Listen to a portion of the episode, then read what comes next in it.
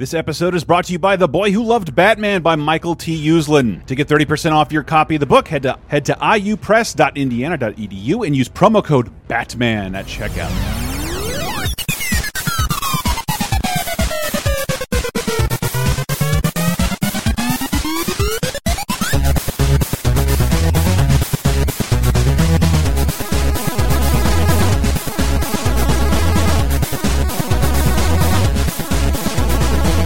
To Laser Time, yet another best of 2019. I know the other people like to do it at the end of the year. We like to do it at the beginning of the next year because that there's still TV coming out in December, December 20th. I have a, a, a hit show that I quite love that uh, airs when everyone's doing their best of list, and we missed it last year as a result of that. Uh, once a year, we decide to like grab the people you listen to all year and see what the, their favorite things are. So maybe you can uh, validate our responses or have your opinions validated or maybe be exposed to something you didn't know was dope. Uh, I'm one of your hosts, Chris Antista. Who else is with us? Uh, I'm Michael Raparez of Video Game Apocalypse. Uh, yes, and then of 30 2010, we have two guest members. Yay. Hello. Hello, we have Mrs. Doubtfire with us. I'm so excited. Oh, that that was my Queen Elizabeth. oh, was Oh, it? Uh, and then also. Queen Elizabeth, like on the crown. Where, where did Ooh. Megan go? What? Hello? What? it was a drive-by fruiting. Oh, Uh, goodness. it's me, Sarah. It's her, Sarah. And uh, and and for TV, like I feel like I neglected TV a little bit, or maybe discovered some older programs um, and that had good seasons this year that people are finally talking about. Because like when I think of my favorite TV show experience, like I'm not kidding, and I hate saying this, it was like Stranger Things season. th- I fucking loved it. I watched it twice. I, I thought it was the best season of that show ever. Wow. And and it, it's still so style over substance, but it's so much fun and visually fun and yeah, nostalgic. Fine, mm-hmm. I'll take it. It's like it's right when my little brain was beginning to kick in, like the summer of 1985. I have things start to get more vivid for me. Oh, these kids are making fun of me for wearing pink overalls. I see. It's um, I see what's going on here. Uh, Yeah, I, I think I might have said this already on our other show, but uh, I, I come to the decision that the only good thing about the 80s is 80s nostalgia. Is the things produced out of 80s But nostalgia. that's what I always say about Stranger Things when they get into cars and you go into houses. Like, dude, I remember the smell that came off this carpet that is Yep. too thick, and there's too many children playing with too many fucking sugar liquids.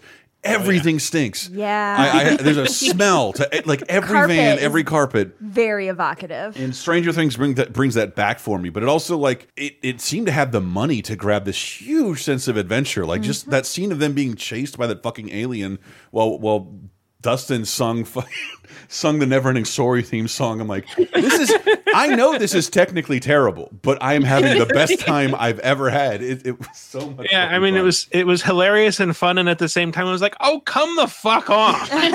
so I'm not alone in that. I, I was aware how I was being parented to and that it was working. Yeah. But I but I loved it. I had a great time with it. That's like the opposite of when you watch something you're like, I know this is good, but I hate it. And, we, and I think we talked about it last year because like there's that Nec- Netflix senior year uh, bump that sucks for them. It's like right when I get tired of their shows because uh, it, it- like season four, it's no longer fresh and new. I don't want to watch a nine hour movie. And that, but Stranger Things, I'm like crazy excited to see more of. Wow. I'm like, I know. I- Good to hear, though. I mean, I love, I love television. The third I- season made me excited to see more of it, whereas I don't think the first and second did. Like, when is the facade going to wear off on this? Mm. Oh, it looks like it's not. I'm, They just every for the next at least until they get up into the 2010s, because I know how hard that is for 30 2010 to nostalgify. Mm-hmm. Uh, so they have at least 30 more years of fun shows. Oh, that'll be good. Those kids will age great. Wonderfully. Yeah. Yeah. I'm- well, well, I'm- it helps to have a plot that is fun and Yeah. interesting and goes places. They're not just retreading the same thing over and over Right. and over. Mm-hmm. And then you can get past the idea of like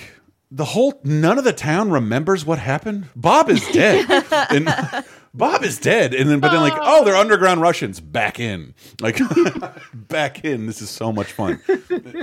But that was I just wanted to rattle off a couple of mine because I'm gonna let you guys kind of take the lead here. And, and and a couple of things I wanted to mention that I don't have uh, a clip for, and I really wish I did, but it's it's hard to find clips of.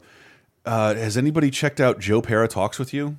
Yes. You you had me watch it one night and I loved it. It, it is it is like Adult Swim's cough syrup, like after a bunch of bombastic, screaming, random air horns, like, oh, that's so random. And like, I mm-hmm. love Rick and Morty. I love the new season too. I didn't think I loved the new season until the snake episode, which I thought was it was so fucking great.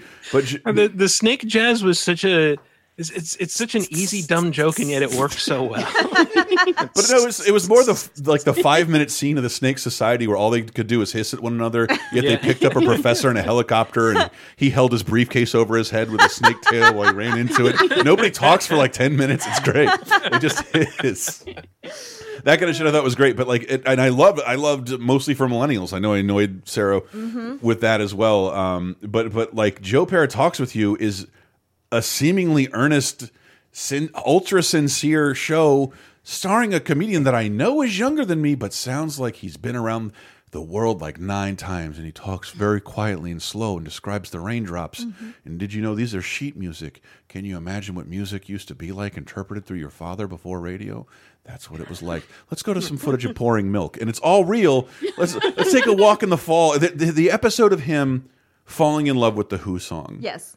Is Oh yeah. Yeah, I think I have seen I've seen that. and so Yeah. th that show last year premiered, I think, later in the year and into 2020. So nobody talked about it. And this year, I I think it premiered the- the 20th.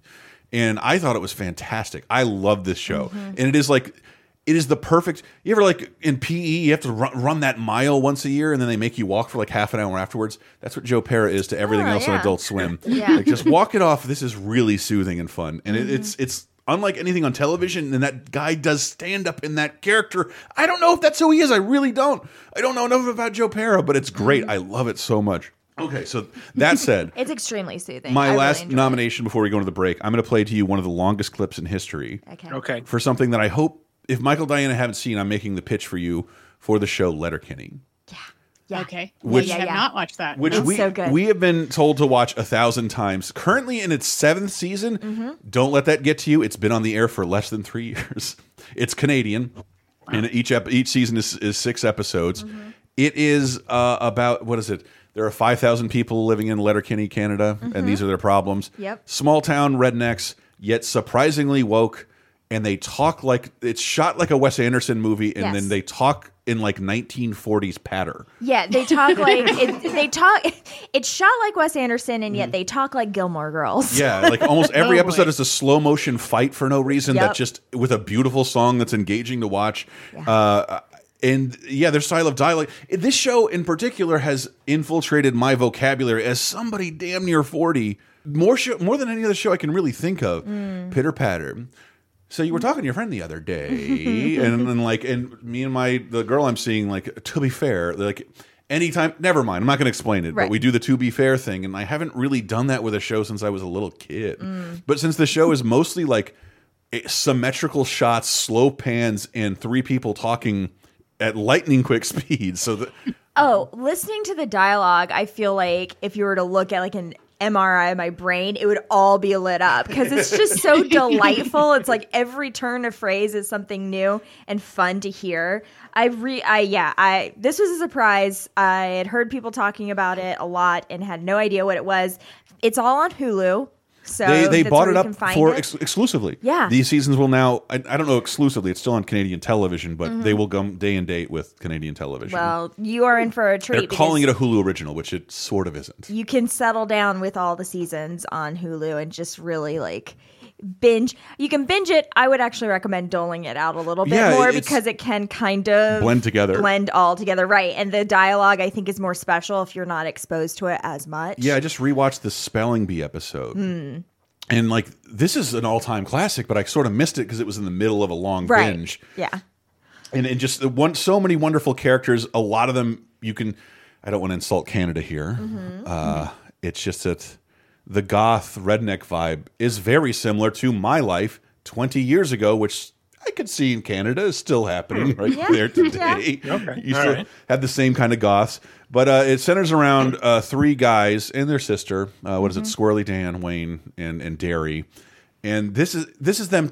They try and talk things out with one another. One guy, they're all really manly and good at fighting, but they have incredibly deep conversations. Dan is is a is a like a 400 pound dude with a giant beard who talks about his women's studies class all Yep. the time.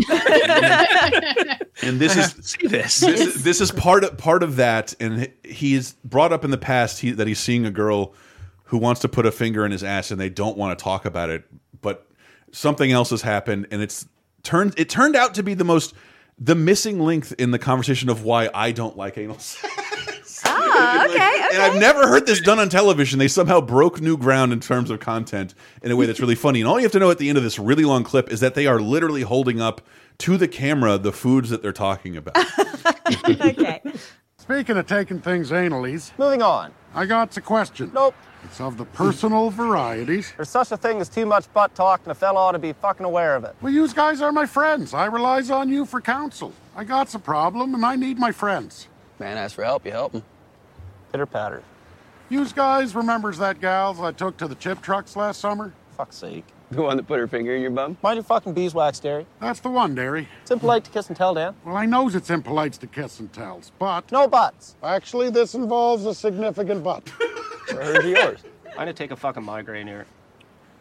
Anyways, she was asking me about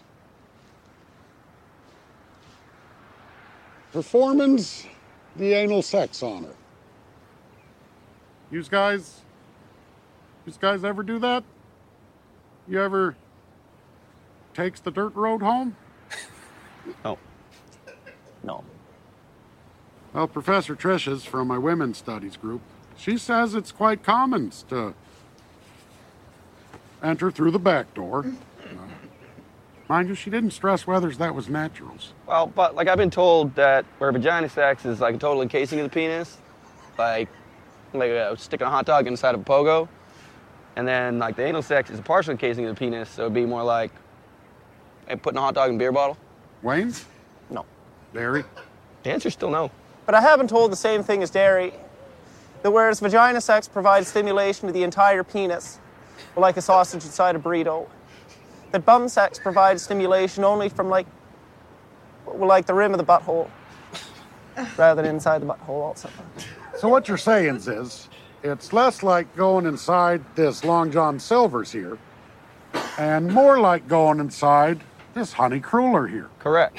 It's less like going inside this loaf of bread, more like going inside this bagel. Wayne's?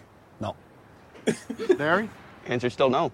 But I have been told that it's less like going inside this wheel of brie cheese, and more like going inside this piece of Swiss cheese. it's it's the truest thing I've ever heard in my life. Uh, and, and there's there was no reason to put it on television, but these wonderful Canadians did. They deserve their animated spin-off Little Kenny. Yes, that's a real thing that's happening. Uh, but but yeah, it's hard to. I know it's hard to describe why the show's so wonderful. Yeah. because it feels very. Well, it started as a YouTube show. It's ineffable. Yeah, it's it is it is super fucking fun. If you have Hulu, you have all the episodes are yours, and it's totally worth watching. It's a gift to yourself, honestly. And great, great music. Like music I've never heard. Music I haven't heard in like 15 fucking years. They'll find a great way to score, usually a fight. And uh, and it's just it's very sweet. Mm-hmm. The characters really do care about each other. It's not a mean show, Yes. but it does get raunchy, obviously, and it does you know it's not um, totally milk toast either. So, which is my favorite thing. I like an edgy thing that's not mean. yeah, they have this beautiful little sister who fucks everybody, and the Hmm. Yeah. three guys are like the little protectors, and like will beat up the entire town if anybody Mm-hmm. messes with her. It's great. and who could forget Shoresy? Oh, I fucked your mom last night. It's fucking amateur hour. Let the can't describe it. It's it's just it's it's too weird. Yep. A lot of like, but it feels to me, Di- to Diana in particular, it feels very old timey and like radio style banter that would make it into Yeah. the movies. Yep. Interesting. And so, like, to be honest, to be fair, uh, I have listened to it like a radio show. Even though the, Good. the Yeah. cinematography is pretty, um, you can completely just listen to this while you play video games. And, and with that, we will take a short break. And when we come back, we will talk about more of our favorite television of 2019. Stay right there.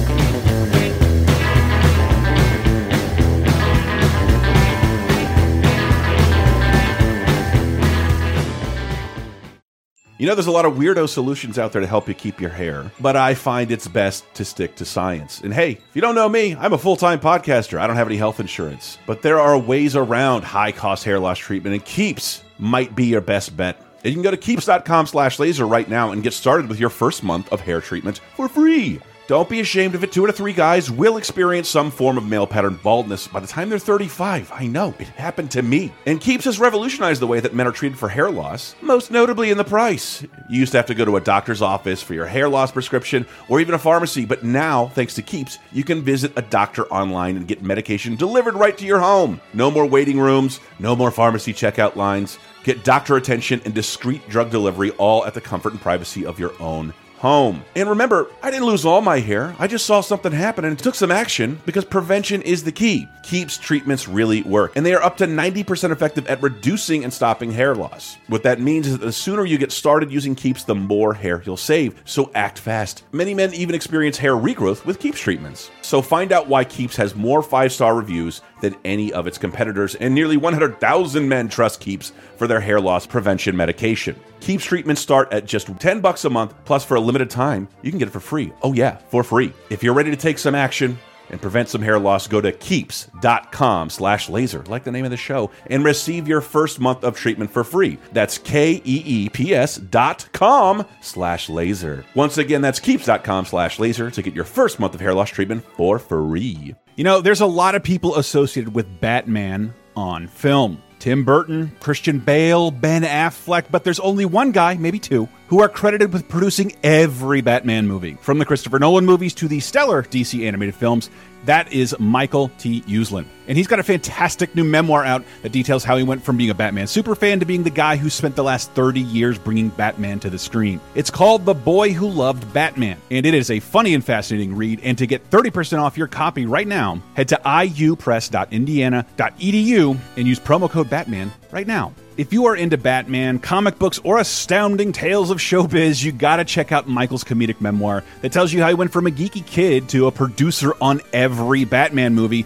And even look at that, the world's first professor on comic books at Indiana University Bloomington. In fact, Michael owns over 30,000 comics, and The Boy Who Loved Batman is not just a great read, it is brimming with full color illustrations of all the comics that inspired Michael throughout his life. And right now, for a limited time, Red Lightning Books and Indiana University Press are offering a special discount code available for listeners to this podcast. For 30% off your copy of The Boy Who Loved Batman, go to www, you know that, IU, as in the letters IU, press.indiana.edu that's iupress.indiana.edu for a 30% discount at checkout.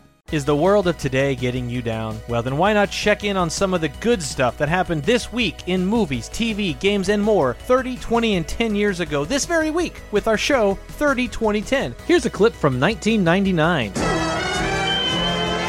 Did find clips of the behind the music of Chris Gaines, Holy which also shit, is a thing happen. that happened. Wow. He was so powerful. And there's parts of this where Garth Brooks is talking about Chris Gaines like he's a separate person from Yes. him. It's almost like he had a psychotic break.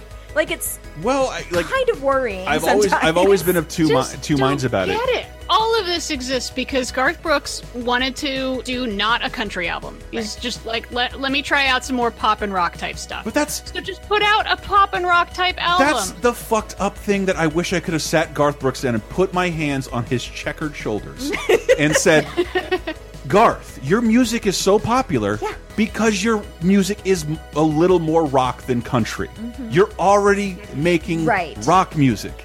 Your Chris Gaines music isn't rock enough to be rock. it's mm-hmm. it sucks because you you you're dressed like a fan of The Cure and you play like like sub Kenny Loggins music. Like this is not this is not good.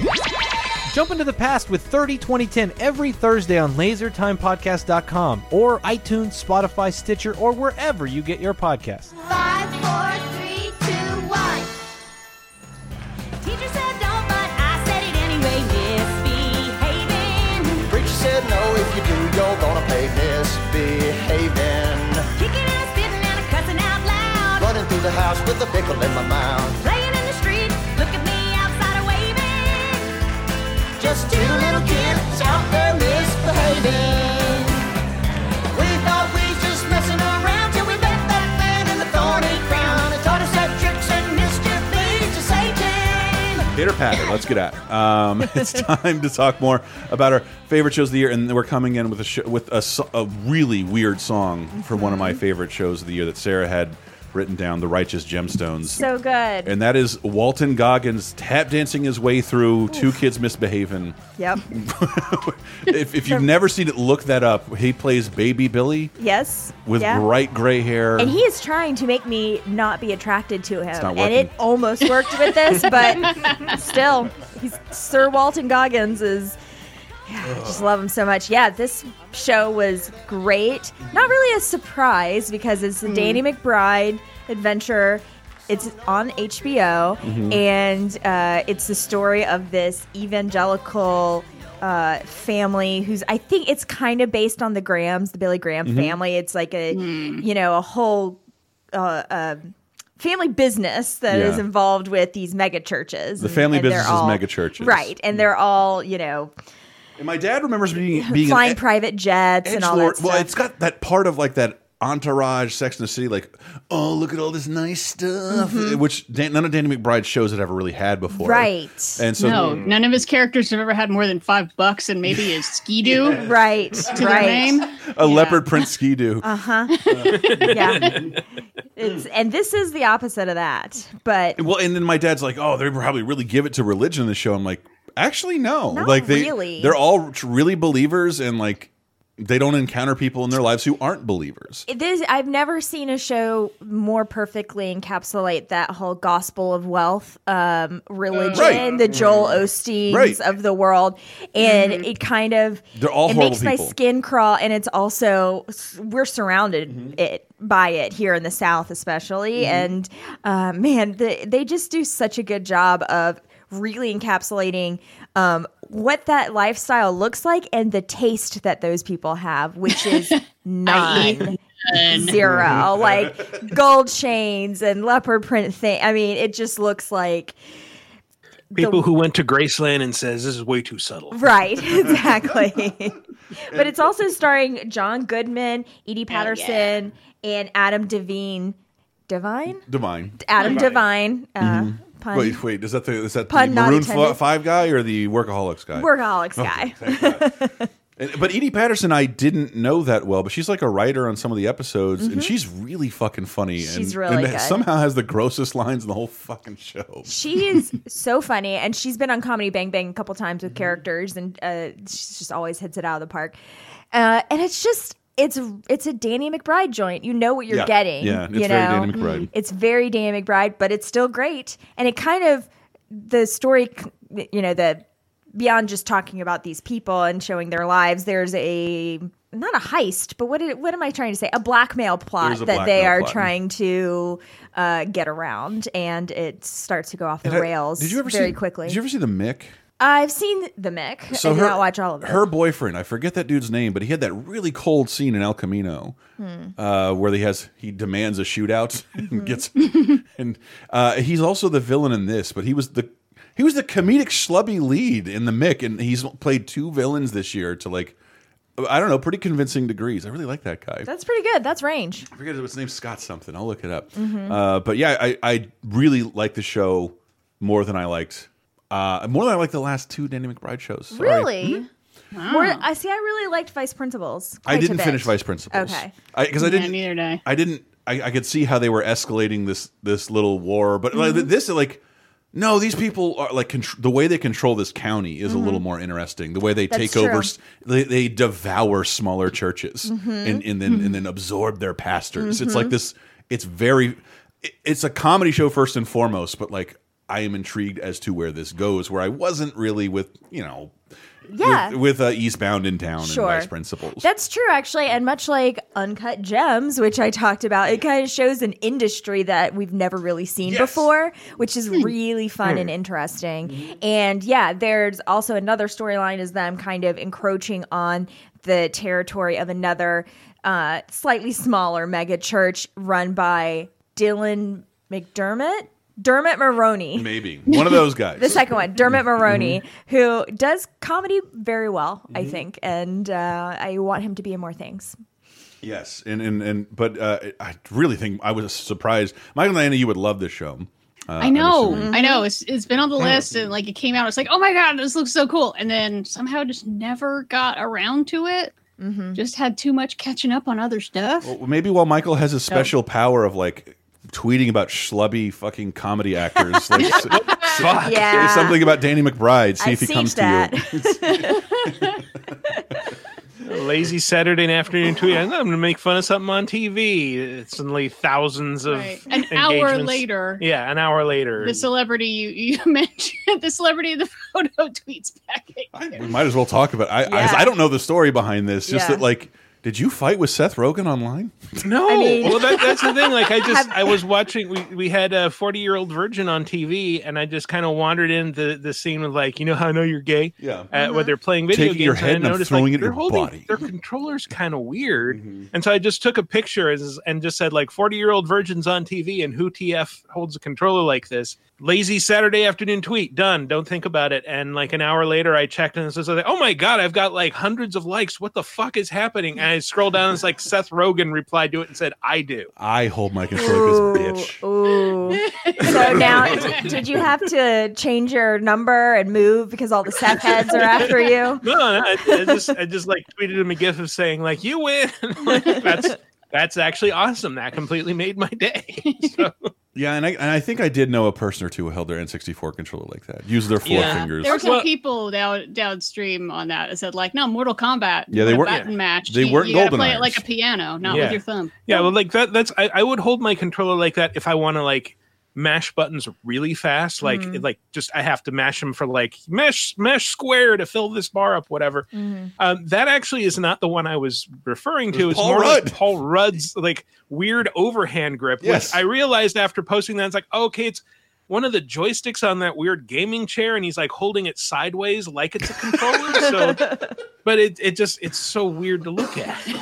My thing never too. S- I texted this to Antista mm-hmm. when he, we were talking about it, and you don't tag Seth Rogen or 40 year old virgin even in the tweet. No. No. So what I is he doing? Just searching for 40 year old virgin mentions on a Saturday I afternoon?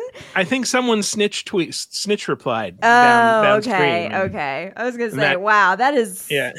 It's Some why real you don't boredom. use Twitter. Hey, there's not enough fighting here, so I'm going to call someone who might fight. Oh man. Like, okay, yeah, it was a surreal experience. At least people weren't like, uh, only a few people were really mean about it. And it was like, oh, you've never played N64 control, or N64 before, noob. And like, if only you never knew. held it like that. if only you knew. Uh, well, I thought this is a perfect time to let you guys tell us what you thought was one of your favorite shows of the year. Well, uh, since you said ineffable earlier, Sarah, it reminded me of Good Omens, which was on Amazon Prime. I did not see uh, that one. that one was great. Uh, so I like maybe a year ago listened to an audiobook of the uh, the book Good Omens, which is by Neil Gaiman and Terry Pratchett.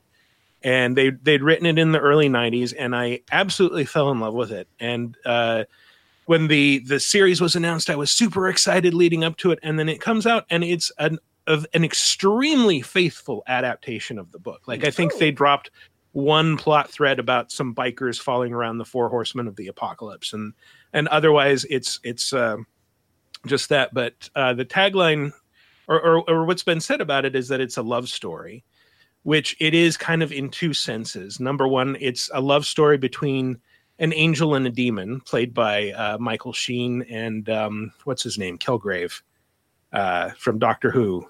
Diana, I'm looking at you. David I know Tennant. you are. David, David Tennant. Tennant. yeah, Ah, she got it. David Scroo- Tennant. Scrooge David McDuck. Tennant, yes, yes, and uh, and and just kind of like they're they're a weird interplay, and they they kind of settle in as like we're nominally working against each other, but we uh, we the the Antichrist is coming, and the war to end all wars is coming, and you know what? We really like hanging out on Earth together, so we're going to do everything we can to stop this, and. Uh? Oh, okay. I, I didn't. Yeah, I, I don't know. I, I I got a little bit of that from the promos. Yeah. So it's it's kind of it's a love story between these two, uh, this angel and this demon. It's a love story between them and the earth, and it's also a love story between uh, not I don't want to spoil too much, but the Antichrist and his little British hometown.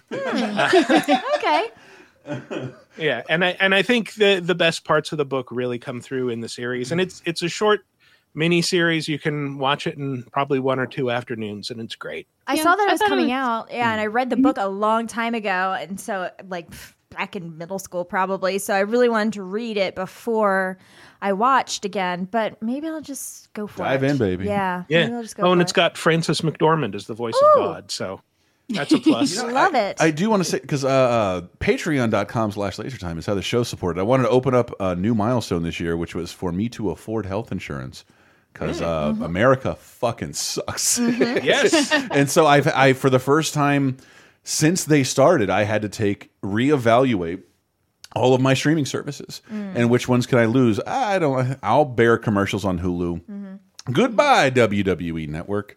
Uh, sorry, Brown Sugar. Didn't watch you that much.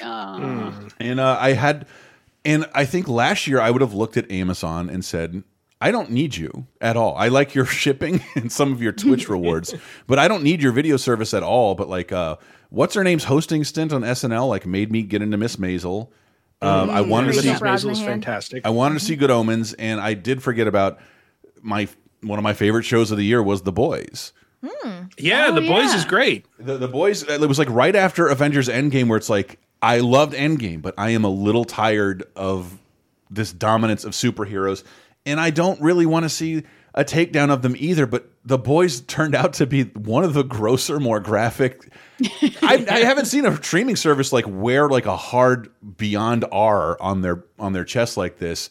Um, and I loved it. It's eight episodes of beauty, and I love mm. Karl Urban. So, and, Yeah. And I, I I love the exploration that like look if superheroes were real they'd be some sort of a mixture between celebrities and superstar athletes and they would probably be entitled assholes who are always mm-hmm. hogging the spotlight. and they'd be they'd be somehow affiliated with a giant corporation, if not a huge like what do you call that? Like a agency, a publicist. Yes, yeah. Yeah. and they are in this universe, and it's there. There's like there's a conspiracy that I'm not as interested in, but like there's this this ill this misbehaves in a way that like no comic I no comic I've even read in the last ten years has even done.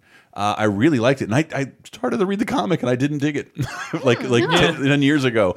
But uh, I, I so think the comic is is much more dark and like it gives the main characters superpowers and some eh. But there's some hmm. super, super dark characters and moments in this show. Yeah. Mm-hmm. I know I was talking to Di about it because Elizabeth Shue in particular is like one of the like, is she the villain? Oh God, yes, she definitely is the villain. Just takes a little bit. Hmm. Mm-hmm. Mm-hmm.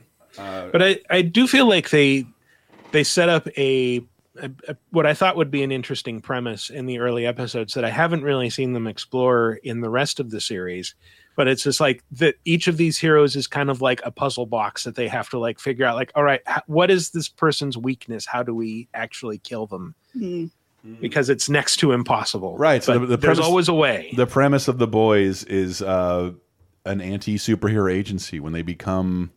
I can't think of a good analog in our life. Um, Just but corporatized. yeah, corporatized. Think of Jared from Subway with flying powers. Ooh, Yeah, no. let's take him down. Mm-hmm. So they're, they're the people who the, the regular folk who have to figure out this dude sucks. We got to kill him, but like a video game, like I don't know how to kill this guy. Can remain invisible and has impenetrable skin. What the fuck do we do?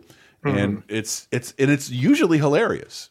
It's it's one of the darkest comedies. It's one of the grosser shows I've seen. I hmm. really really liked it. I have to check that out. Mm-hmm. I, mm-hmm. I love the moment where the Superman character isn't it- like the a plane is crashing with a bunch of people in it, and he gets on with their Wonder Woman character, and he's like, "We got to do something." Like, dude, I can't carry this. It doesn't have any landing gear. Let's get the hell out of here. And she's like, mm. "What are you talking about?" Like, mm-hmm. I don't want to be involved with this PR disaster. So they walk off the plane with all the people in the, the plane screaming for Superman's oh. help, and just oh. and Yeah. just leave. Yeah. It's it's so dark. I, That's I think yeah. in, in the comic that mm-hmm. might have been actually 9-11 mm-hmm. that they were Oh they, my they God. wandered off of. So it's like I, you can't you can't put that in a No. streaming show. Yeah. No. We're not ready to see that. See, I read the only certain thing they they cut out that they filmed. Amazon I was like, please don't put that in there. Was the Superman character? What's his name? I, I can't keep saying the Patriot. The I've, I've already I've already forgotten the Superman character Oh. that he's just standing on the Chrysler Building, jerking off over the city, and then throws his cum out onto the city. That was shot for the series, and they didn't show it.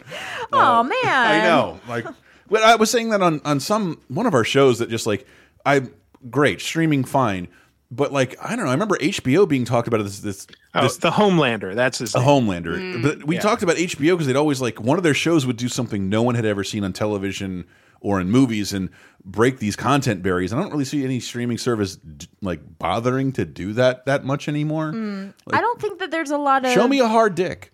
Like uh, really Yeah. kill an orphanage. I don't think anyone like wants to. Like, I do. who's interested in Me, in that? Christopher Antista. Please at me. Like I am. That kind of envelope pushing, though. I don't know. I didn't think I was until the boys. Okay. Like a really dark take on the superhero show. That is Mm. that is in, in a But but it doesn't feel like nihilistic or just like, you know, this ain't your daddy's superhero. It's grimy and shit. It's like, no, they're behaving badly in ways that celebrities who also are more than human, Mm. e- enhanced humans would act. Like they act like the worst kind of celebrities and also the worst kind of super athletes. Yeah, it's and also people who have god complexes because they're kind of gods. it, it's sort of like okay, what if Justin Bieber trashing his hotel room killed everyone in the hotel? That that sort of. and, and there's a bunch of people who want to cover that up because it's bad publicity Mhm. because of all the good he does. and then in between there, people explode into other people's faces.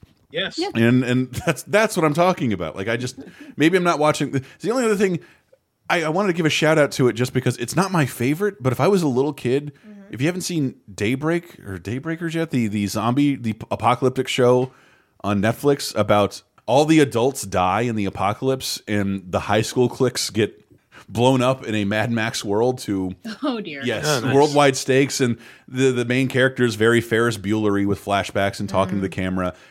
It's a little cloying, but I, I can't stop watching it. But if I was a kid, I would love Daybreakers or Daybreak. I, I Matthew Broderick is mm-hmm. in it. There, he's What? yeah. Did- Did, you know that Netflix tailors the images to your taste? Yes. You So, have told me that. in order to get me to watch this high school show, they had to put Matthew Broderick. And I'm like, we're going to see him all the time. Like, you're going to see him primarily in flashback. And like, for five seconds an episode, we just knew how to get you to click on this and Yeah. care about it. Once you told me that about Netflix, it was a it's a very fun game. I wanna post it all the what time. they think I'm into. They think I'm really into Nick Offerman. And so what? yeah, exactly.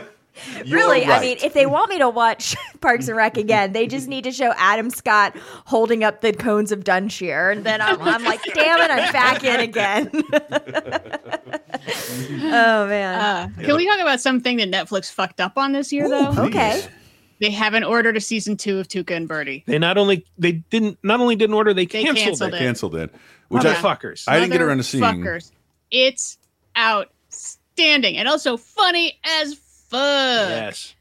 Man, that's Yeah. been on my list. Yeah, it's definitely. I mean, in in the vein of BoJack Horseman, but I would say even less depressing. Mm. I, I would say less depressing in general, but it's Yeah. still like I, I think that there needs to be a new name for this genre of show, like BoJack and Fleabag and uh, Tuca and Birdie. I don't think tragic comedy quite Mm. uh, Right. does it, but it's like that. It's just like ah, it's funny, it's funny, it's funny, it's funny, and now it just hits you with this right hook of crippling depression. Mhm. Yeah, Mhm. or something that's like it's about they're not anti-heroes, but they're fuck ups, Mhm. and they're coping with their fuck upness, and that's funny, but also sad.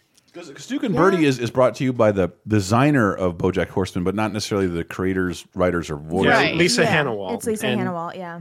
And Yeah. it's not like it, it looks like BoJack Horseman, but it's not actually connected. It's like in a different universe where instead of everyone's animals, everyone's birds. Mm-hmm. Yeah, hmm. And and it's from women's point of view mm-hmm. and deals with some very complicated things. Like for instance, it deals with uh, you know, getting sexually harassed by a mentor, but also being s- super turned on by it. Hmm. it's like you know it's wrong, and yet, oh, Yes. I'm writing down Yeah. hire intern in my show notes. Thank you, Diana. yeah. It's like okay, I never thought that the show about the bird puns was going to go somewhere that crazy, but Mhm. Wow. okay, all right, let's see where this goes. And Sure. Ali Wong is one of the voices, right? Tiffany Haddish. Oh, yeah, Tiffany yes. Haddish two and Ali people Wong, who I are love. so great, and they are so great together. I love anything Ali Wong touches. She's the best. Yeah, yeah, it's really, really smartly done Mm. and interesting, and and just has all these other goofy things. And then there's there's just sheer goofiness, like accidentally baking grandma's ashes into a cake.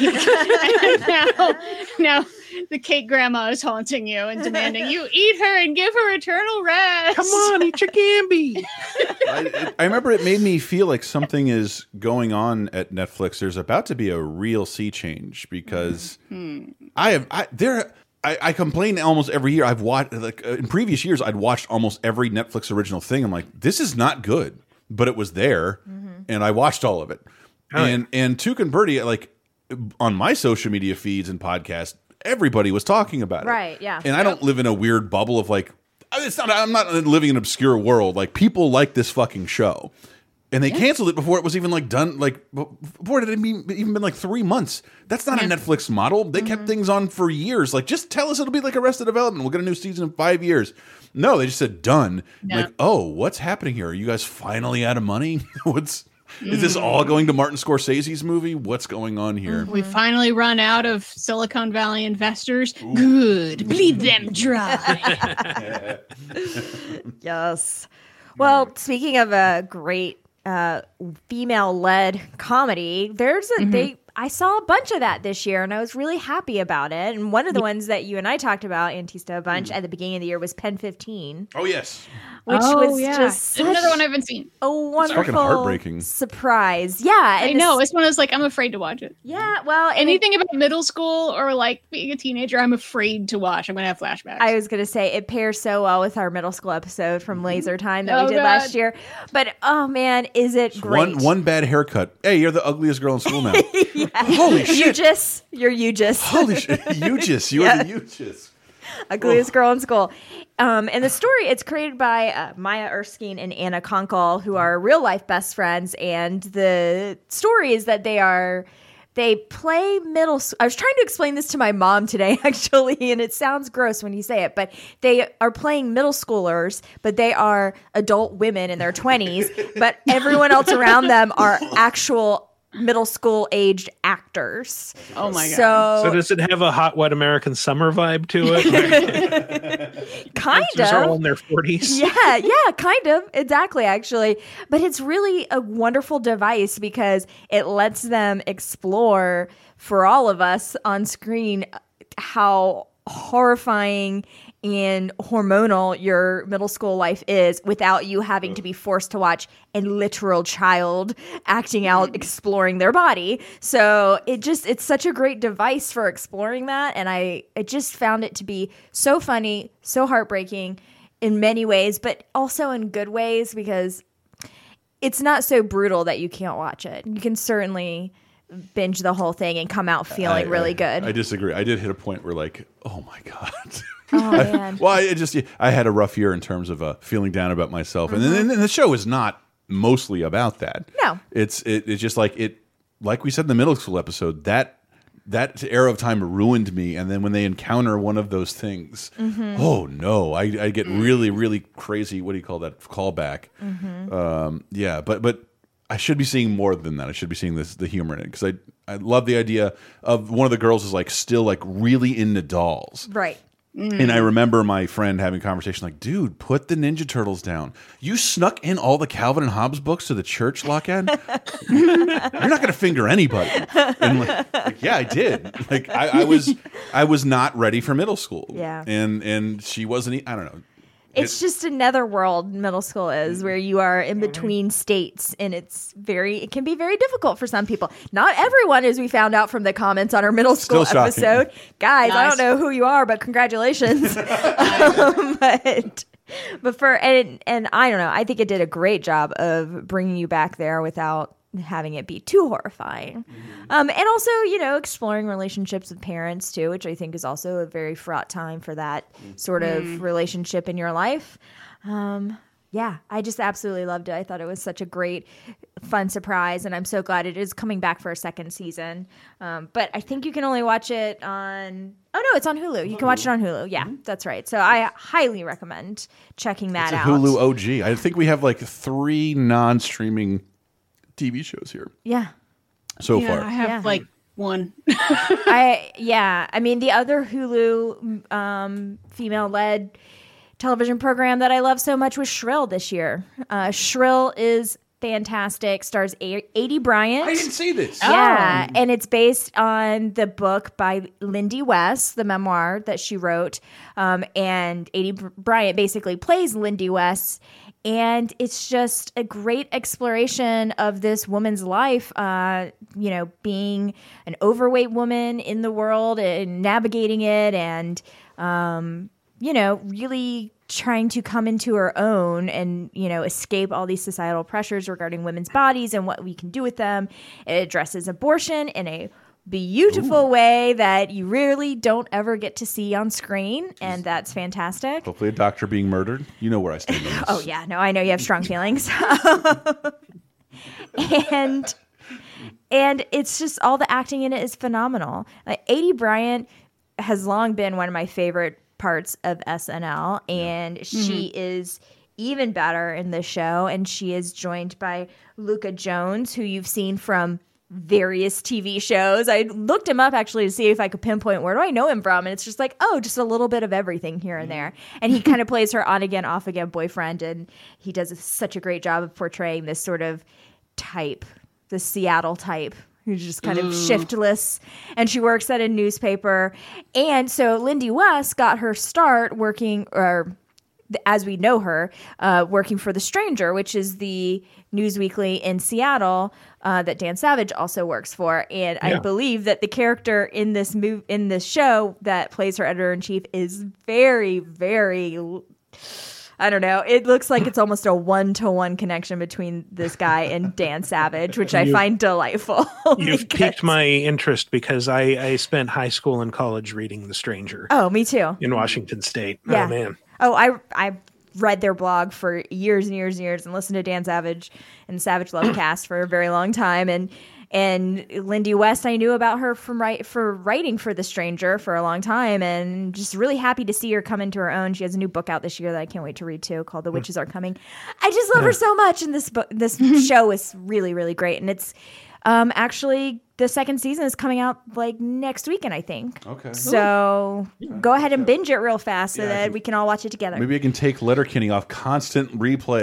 Jesus. 'Cause it's on Semi constant replay. Oh, thanks for setting up my next segue. Ooh. Speaking of constant replay and female comedies and fuck ups, can we talk about Russian Doll and how hard Russian Doll Oh, is? Was that this year? Wow. Yeah, Yeah, from the beginning of the year. surprisingly.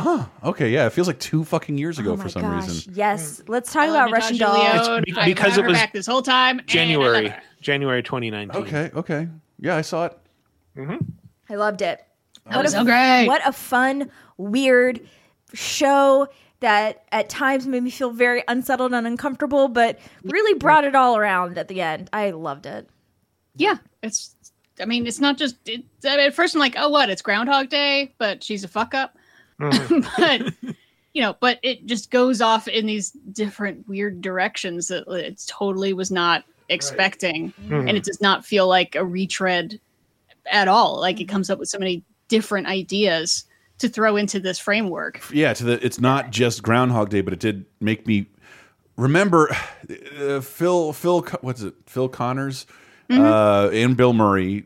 That's a a great character to throw into the premise of having to relive the same day or moments over again. Because while he does have a freak out period, like he's not the kind of character who the normal television character who freaks out. So I think the casting casting of Natasha Lyonne, who I've loved since like Slums of Beverly Hills, like oh that's Yeah. perfect. She's not going to spend a ton of time. Oh my god! Oh my god! Oh my god! What do I do? It's like she realizes instantly. Oh fuck! Is this really happening? ah, oh fuck. shit! Oh. And, like- and it, it's not just that she's trapped in a time loop it's that she is trapped in a time loop where she will inevitably die, Die, yes. at the end of every cycle no matter what she does Yeah, how long does she make it? Like a couple days tops. Mhm. I don't even think that's such a good running gag. The first couple times, like she doesn't make it out the building. Right. she just keeps dying over and over and over. That is such a good gag where she's like trying to get down the stairs. yeah, I loved it. And I love Natasha Lyonne. And you're right, she's absolutely the perfect person to play that. Yeah, I just got hit with the in like the nervousness after the end of that. Like shit, I just watched nine hours of this, so it means I'm uh-huh. in for another nine. And how long can this premise work? Mm-hmm. Yeah, it's coming back for a second season, Yeah. right? Mm-hmm. Okay. Yeah. Yeah, and, and you're right too. I just watched nine hours of it. I literally watched that entire season in a weekend. I Yeah. could not stop. Yep. That was a real. I'm, I'm glad you brought it up because I fell like into. shit that hits Netflix in January, Yeah. like might as well be forgotten forever. It's true. I know. I thought that was like three years ago. Yeah. I was like, wait, that was that was a year ago. Oh, yeah, perfect. I had Happy to times. I had to reach real far back to remember that this year I watched the other two, which is a very hard name to tell people about because it doesn't sound like anything, but mm. it is a great television program that I did not see a lot of people talking about. It aired on Comedy Central. It's it's what the uh, Brian Wilson and Al Jardine tour should be called because Mike Love stole the Beach Boys name. All right. Sorry, is- that's something I saw last year. Okay. Dad. Um, but yeah, the other two, it's created by Chris Kelly and Sarah Schneider, who are both uh, writers for SNL.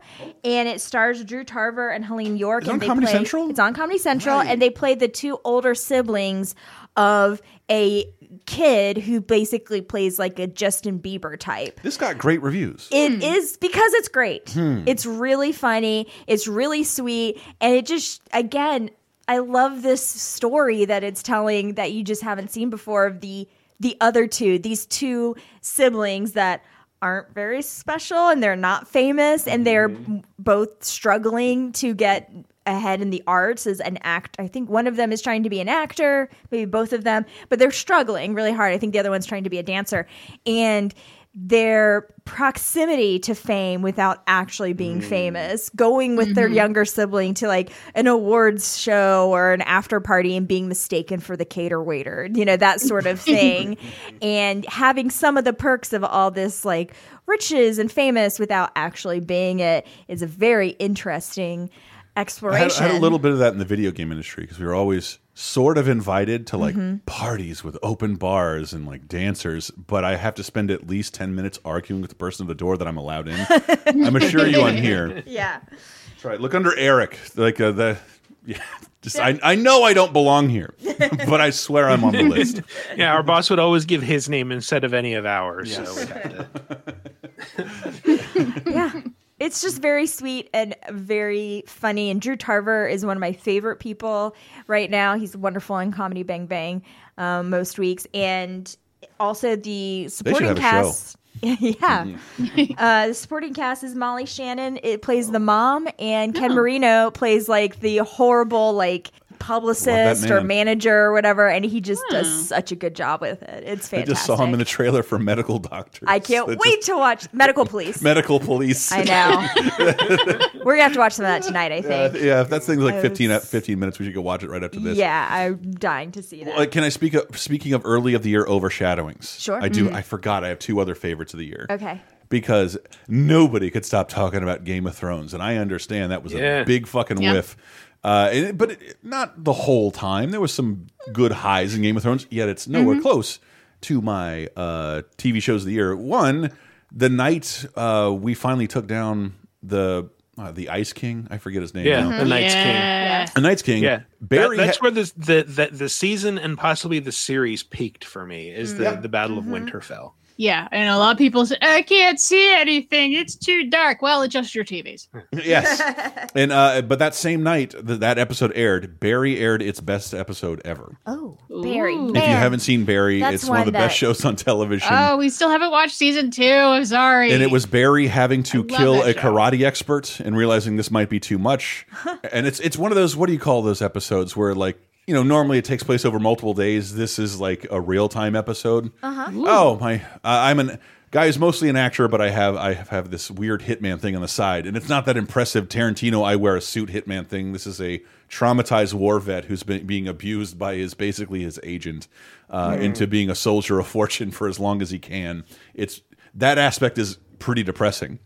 And he tries to kill a karate expert whose daughter then walks in and kicks the shit out of him and so then haunts them for the rest of the episode. And it's it's it is the it is my favorite episode of television that year. And, and it aired the same night as the high point of Game of Thrones, and no one really noticed. And then Game of Thrones went went out, and all this stuff happened in the last ten minutes, and it didn't make a ton of sense. And then if you waited around for uh, a week later, Chernobyl aired, which is Yes. your N- NPR like. No, this is. I've watched that twice. It's five episodes, one hour. It is it's brutal, and it and like it it explains in this era we it live in. actually explains Chernobyl. Yeah. Oh my god, it was It- it- when not only do that for 30 2010 and try to explain it and I couldn't and they find they finally explained it to me in a way I could understand. yeah, yeah, and, and like and uh and I Thank you. I should probably do this on mic. Off mic, I've talked to history experts. Like, what the fuck is Russia's problem Mm-hmm. with our? What do they want? Like,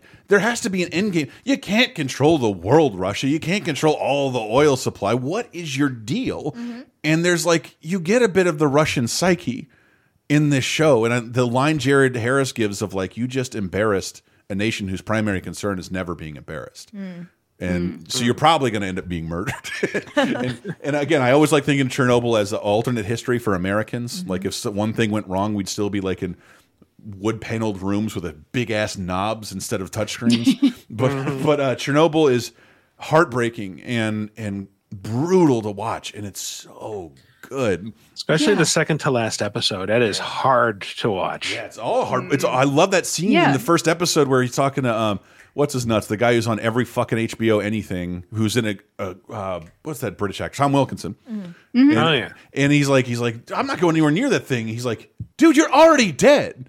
You did go near this thing. You will have cancer in five years. Like, get over it. You're done. Mm-hmm. Let's go try and fix this. like having to explain to him how radiation works. That is a- and how this is going to murder you. Wild mindset to even wrap your mind around that. Yeah. It's like, oh no. That that guy spent a whole I'm episode done. Uh-huh. flying into something where he knew he was dying, and the other guy's so stupid that he didn't. Mm-hmm. Uh, And he was just, oh, I can't but explain. it's such a human instinct to be like, Yeah. nuh-uh. Nuh-uh. That's like, Nuh-uh. "Oh I'm miles away from this I accident. feel fine. I feel fine. Yeah. What? Yeah. Shut up. It's Yeah. it's weird because my dad is a nuclear engineer, and I have been trying to convince him to watch it, and he refuses because he's convinced that it's anti-nuclear. And it's like, no, it's not anti-nuclear. Mm-hmm. It's showing how the Soviet system took what was a s- initially a small contained disaster and and let it balloon because nobody wanted to take responsibility. Nobody wanted to take responsibility, and like, and I think there were like there are people touring that day, so we got to be fucking cool and show them this mm-hmm. is all working up to speed.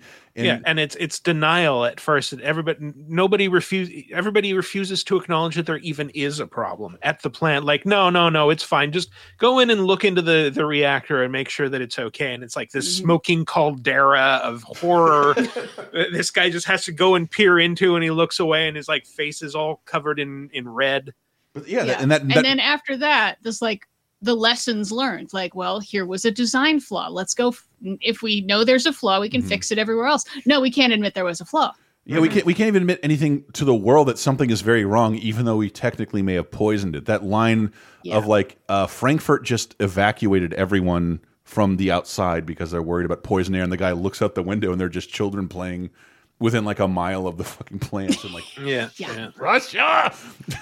Yeah, but I, I didn't feel like it's not just a slog through sadness, though. Mm-hmm. Like there is stuff to learn and think about and contemplate. That sort of stuff of like who is accountable? How are we accountable to each other? What will we give to save more people? Will you sacrifice yourself in a mine that's disgusting and naked? I I, I did like learning. save the water table for a tr- ten trillion people. I, I loved that we got to see people like that because I mean, even though I've heard of Chernobyl, I never really mm-hmm. who were who were the heroes and like oh, just these working class mine dudes. Who's like, mm. Yep. yeah, all right, uh, I'm going to die in there. Oh, it's I'll just take off all my clothes and we'll all work together naked yeah. for days. But, you're you're not mm-hmm. protected. Like, is the clothing really going to protect me? Well, no. Okay then. Yeah. Well, it's Yeah. hot in there. I'm taking my fucking clothes off. Yeah. All right. Yeah, uh, it, it's it was a, a an incredibly beautiful story, and that I think like to the dialogue, Jared Harris is like a Shakespearean monologue at the end, like a lie is a debt we owe to the truth, and eventually you will pay that debt in full. And like, just, I, I keep thinking about that whenever I watch uh, certain people talk. Like, eventually this all builds up, and this has to explode. A lie is a debt you owe the truth, and I. I I feel weird humming, like just humming that in my head when I see people lying outright to me. Like, you will have to pay this back someday. It's true. People It's will a know the truth. Good thing to keep in mind. Chernobyl, and I and that's that is that is I think our one and super NPR recommend. like it is it is prestige and like uh, assignment television. Mm-hmm. I understand people think because I I'm, I'm I know somebody I, who's like Michael into nuclear stuff and like does is is afraid to watch it. Uh, I think in terms of like either the accuracy of the scenario or the inaccuracy of the portrayals. But I can't wait to watch it again. It's I, like I don't know if I'll watch everything we're talking about again. I'll watch Chernobyl like a fucking movie because it's five hours. Yep. Well, as long as we're on this uh, NPR Chernobyl kick, I would like to say that uh, one of my favorite German crypto shows, Dark, had its second season this year, and that show It got even more confusing. that show is like if you rolled Back to the Future and Stranger Things and Chernobyl into one one TV series that is like it, it feels like zooming out slowly on a clock that like there's all these things that are like perfectly interconnected and it's not obvious immediately what's what but uh but it just kind of it, it's this theme of of time travel and going between these different areas in this little town that has some sort of nuclear disaster and uh the this idea of the inescapability of fate that everything's just Mhm. going to lead back to where it began Wow. and It's uh, called Dark. it's it's called dark and it's great What's what's it on? netflix Okay, and it's, is it subtitled German, like super uh, German? it is it I, I like to watch it subtitled in german you can watch it dubbed mm-hmm. i haven't tried that though Michael's too fucking classy for that. i am too fucking wait. classy i like original performances and, and before we move on from that, I just wanted to give a kind of a shout out slash fuck you to HBO because Chernobyl was enhanced by their fucking. There's the wait, wait, don't tell me guy hosting a podcast oh, with the yeah. creator for fi all five episodes. So like really took a took a hit the every episode podcast genre that has been very kind to me. and I hope to go back to HBO made it official and talks to the creator for the exact same amount of time that the episode runtime is and takes you behind what happened. It is, Is it better than the fucking Game of Thrones one where they were like, Oh, was that official? An official one? no, no, I'm oh, talking about that the, awful show on streaming short service? afterwards. No. That's like, well, in this one, we really wanted to show the dragons and all their glory. Like, shut up. No, it you. was because because that's where like he- uh, and Sam and I would talk about that, but Mm-hmm. it's where Homeboy would explain like, no, this is an amalgam of a bunch of different characters, and here's a look like this is what really happened, but here's exactly how it happened and the Mm. extended moments that led up to this scene. That was great, and Ooh, I need that for the crown. if you didn't listen to the, I think it's only three episodes of the Watchmen podcast, Mm. which I can't believe I forgot. It was not on my list because it was a late in the year, but like I did not want to see any more Watchmen anything for my entire life, and now I realize I don't care how Alan Moore thinks at all. I don't agree with him. Comics are still good. His comic can be it, be fleshed out into further stories because the new, the new season of Watchmen was excellent, mm-hmm. beyond excellent. well and then The only I- season reading- of Watchmen. I didn't I didn't realize I thought he was always a purist. I didn't realize that the reason he's he doesn't want to do any more Watchmen You is can't get the rights. because of the rights. Yeah, mm-hmm. that he he and Dave Gibbons had set up a deal with DC where like the rights would revert to the creators like 6 months after Watchmen stopped publication. And uh, so DC just just been reprinting Watchmen like every six months, so, they the, never lose so the the rights don't Oh my revert. God. And meanwhile, and like Alan Moore was talking about integrity in my characters, I'm like, you wrote those characters with characters that DC had acquired, and then you changed them again. And you're lucky most people don't recognize that because you stole those characters too, and the shit you still work on are stolen public domain characters. You fucking asshole! Fuck what you think about anything. The new the, that one season of Watchmen was the best, one of the best follow ups in history in a different medium that I can fucking think of. Mm. They they gave new relevance to the to like those really depressing characters and scenarios mm-hmm. in ways I didn't see, and but I was intrigued by from the first trailer. A modern day set sequel to Watchmen that has nothing to do with Manhattan. It has mm-hmm. nothing and barely anything to do with Doctor Manhattan. Mm. Wow. Yeah. Mm, Mm, Yeah, well. I thought it was fantastic. I, I I wasn't really on board with the first few episodes. Uh, Well, the first kind few episodes was don't- very heavy-handed. The but- first few but- episodes don't show you how it relates at all to the comic Right. book. It's Right. just like, oh, it looks like these racists were inspired by Rorschach. That seems too far fetched for me. No, no, just kidding. Uh, but but uh, but then the, the as the episodes play on, it really bleeds into the Watchmen world and changes it in great ways. Sorry, it adds to it in really great ways. And the idea that I've never heard of this Tulsa Wall Street bombing in my life, and I have to keep hearing of historical atrocities through fucking HBO shows, uh, is is both upsetting to me and wonderful because I'm glad I know about it now. I'm surprised that hasn't been a movie of some kind. But I, I Yeah. if you had any reservations, because I know we talk to a lot of comic fans and genre fans, this show it- it's it's a one season only thing. I think. Really? Not coming back? Yeah, that's that's why I the reason why I started watching it was like I don't want to watch a continued Watchmen sequel, Huh. but I'll watch a nine episode Watchmen sequel. Fuck yeah! And I think they still have an option on the table to bring it back. But the way they talked about it, this Yeah. is one and done. Okay. Huh. And Well, I think the the was it Lindelof Mhm. that David yeah Lindelof, that he the way that he talked about it was apparently like he's done after this. Like they might do another season, Oh. but it won't be with him. fuck. Okay. Okay.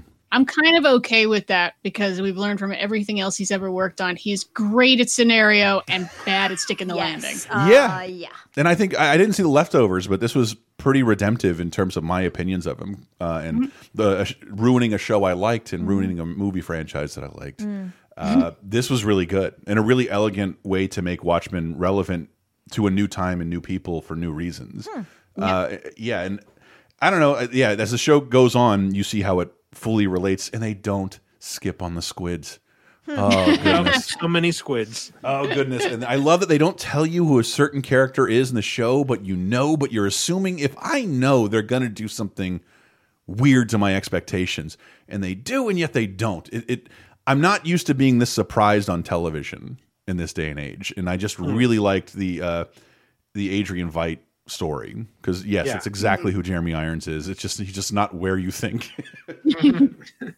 oh, okay, I'm glad I wasn't the only one who who liked that show. I thought it was excellent. Yeah, I know Yeah. Sam really loved it, and it was just one that I did not get to this year. But My dad loved it. I had to give him the Watchmen book for Christmas because I, mm. I I was explaining it to him in the beginning. I'm like, but n- it none none of what happened in Watchmen is super important to what's happening now. They're just like Easter eggs that you'll get. Mm-hmm. You can watch the show without having read the book or seen the Zack Snyder masterpiece. Yeah. Sorry, go ahead, Sarah. Oh no, that's all I was saying. but I do love have having these conversations, and because then I just put TV shows on my list for next year, and I just feel like it's a present that I'm just so excited. I can't wait to dive into. Mm-hmm. And there were a couple of shows this year that I feel like we should talk about just as maybe honorable mentions who had their first season last year. Mm-hmm. I don't think anyone really talked about it much. And then they blew up this year. And this is when mm-hmm. everyone watched it. And those shows were Fleabag and Succession. Yeah. And hmm. two, those are two shows too, where I've said to various people in my life, hmm. they've said, Oh, I haven't gotten into this yet. And then I tell them, I'm so happy for you because you have so much good TV ahead of you right now. and I wish I could go back in time We- so I could do this for the first time again. dirty, sexy Lady Ferris Bueller Oh, man. and, So, and, you and know the what? story of the Murdochs. It's okay to also talk about this because I do think the second season of Fleabag, which aired this year, was even better than the first season. Really? Yeah. I mean, you should watch it all together, and you can because it's short seasons. I think there's only six episodes a season, and they're mm-hmm. only Yeah. half an hour long, which is not enough, Phoebe Waller Bridge, but okay. and but the second season is really where it comes into. It just it tell One the, of- I just One of ugh. Barack Obama's favorites of 2019, and not just because she's jerking off to him in the first season. yeah. I was gonna say maybe I don't watch uh, watch enough stuff on Logo, but I, I can't remember many shows I've watched where the the main character gets fucked in the ass in the first five minutes. Yeah. yep. Pretty and then, good. and then talks to me during it. Pretty good. Yep. And I mean, the second season, I'll like have to. I mean, really, let's be honest. The reason Yeah, yeah. Sherlock series. Um, but yeah, it's great. Yeah, when he showed up, it was like, oh, okay, well, I think I see where he's going. She's going to be attracted to hot priest, Mhm. and then there's good, and then the the fun twist. I almost don't want to ruin No. it. Hi, him versus the voiceover Yeah. or the narration. Yeah. yes. I kind of don't want to ruin so good. what the voiceover has to do with him, but that gag I never saw coming, Mhm. and it's so good. hmm It's so good. It's funny and it's also extremely poignant because, like, Yeah. Mhm. He really knows what's going on here. And also, too, I mean, talk about the all star of the past, I'd say, two years, Olivia Colman as the Okay. stepmom is so good. And oh, she's she's so wonderfully horrible in this. What? Like you Oscar really winner. fucking hate Yeah. her. At Yeah. first, she seems like eh, she's all right. She's a bit of a pill, but she's okay. And then by the end, you're like, fuck that fucking bitch. yeah, she is. But you also can't express why. Yeah. Like you really feel Fleabag's frustration of like, Oh, she seems nice. No, she's the worst. What? What's wrong with you? Why would you say that? Because she's the worst. She's just toxic, and Yeah. it's and she's really in it a lot this second season too, in a really wonderful way. I absolutely love it. Can't recommend it enough. It's on Amazon. Duh, everyone's talking about it all the time. Phoebe Waller Bridge holding her Emmy and smoking a cigarette and holding a drink is my lock screen on my phone um, because it's maybe the hottest thing I've ever seen in my life. And so, yeah. But also Succession. Succession is so good. And I'm sorry, it gets an honorable mention, even though the first season was last year Look, because they- nobody was watching it. Kicking the piano music here. Yeah. Yeah, the opening that's like, that reminds me so much of scenes from the game. Ooh. Yeah. Um, yeah, that's right. I'll talk about the game. Go I love the game, okay? All right. One David Fincher movie no one remembers. maybe my favorite. Mm-hmm. Uh, but yeah, Succession is great. It's how how did they make me like these horrible rich Oh, I don't like them. fucks so much? Oh, I love them. There's one character I love them like. all. No, they're, they're, they're all pieces of shit. That's- Roman? Yeah, no. Oh, okay. I was gonna say. Of course, it's Kendall because he's like the closest thing to an actual human being Mhm. who you want to see rest, wrestled away from this Trump Murdoch esque family Mhm. of rich people jockeying to take over something they have not earned, Right. And don't know what to do with, Right. And and I, I love that condemnation of people that wealthy, and obviously this comes from like Adam McKay and uh, the guy who brought us The Big Short, Mm-hmm. Right. As I'd never seen that guy before anything else. Jeremy Um, Strong yeah. was the actor. Yeah. Yeah, he's excellent. Like He's I, really good. I really like watching him, and just the as the as the only relatable character on the show, or only guy you like mildly like, who is Mm-hmm. also a douchebag piece of shit. Mhm. Of course, they do the worst things to him in the second the second season. It's like the worst things that could happen to him just constantly Well, happen. the first season ends with the terrible thing happening to him, and now the second season is him trying to come back from it, trying to figure out his way in his the way in this family and the way in the world that he should be, Mm-hmm. um, while also knowing that his father, who is the worst person in the world, has him by the short hairs.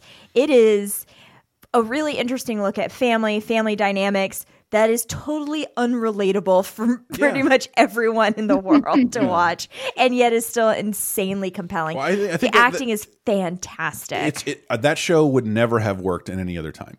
True. And, and it's, I think it has to do with people like me's hatred for the Trumps and the Murdochs. I've had arguments with people whether the show is about the Trumps or the Murdochs. I say both. It's an amalgam. It's very clearly the Murdochs mean- because it's kids jockeying to take over uh, a media empire that has been accumulated by. and the children are too smart to be the Trumps. yes, They're all I- too smart to be the Trumps. I haven't watched Succession, but one of my favorite things this year came out of it, and that there was an our relationships post with uh, this this person posting saying like, yeah, my my boyfriend started watching Succession, and his dad owns like a Halloween party type store, and now he's obsessed with taking control of it and like kicking his dad out of the business. That is amazing. no, I will be the one to rule the spirit of Halloween. and, and, and there, are, like, I don't want to sh shit on. soci- It's not just a, uh liberal porn. The characters of Ted and the young cousin are are, are two of the Ted stupidest, Gams. the stupidest, funniest people I've ever seen in my entire life. I love who have no idea how to navigate this fucking minefield. Mhm. And it, it Greg, They're Greg, the egg.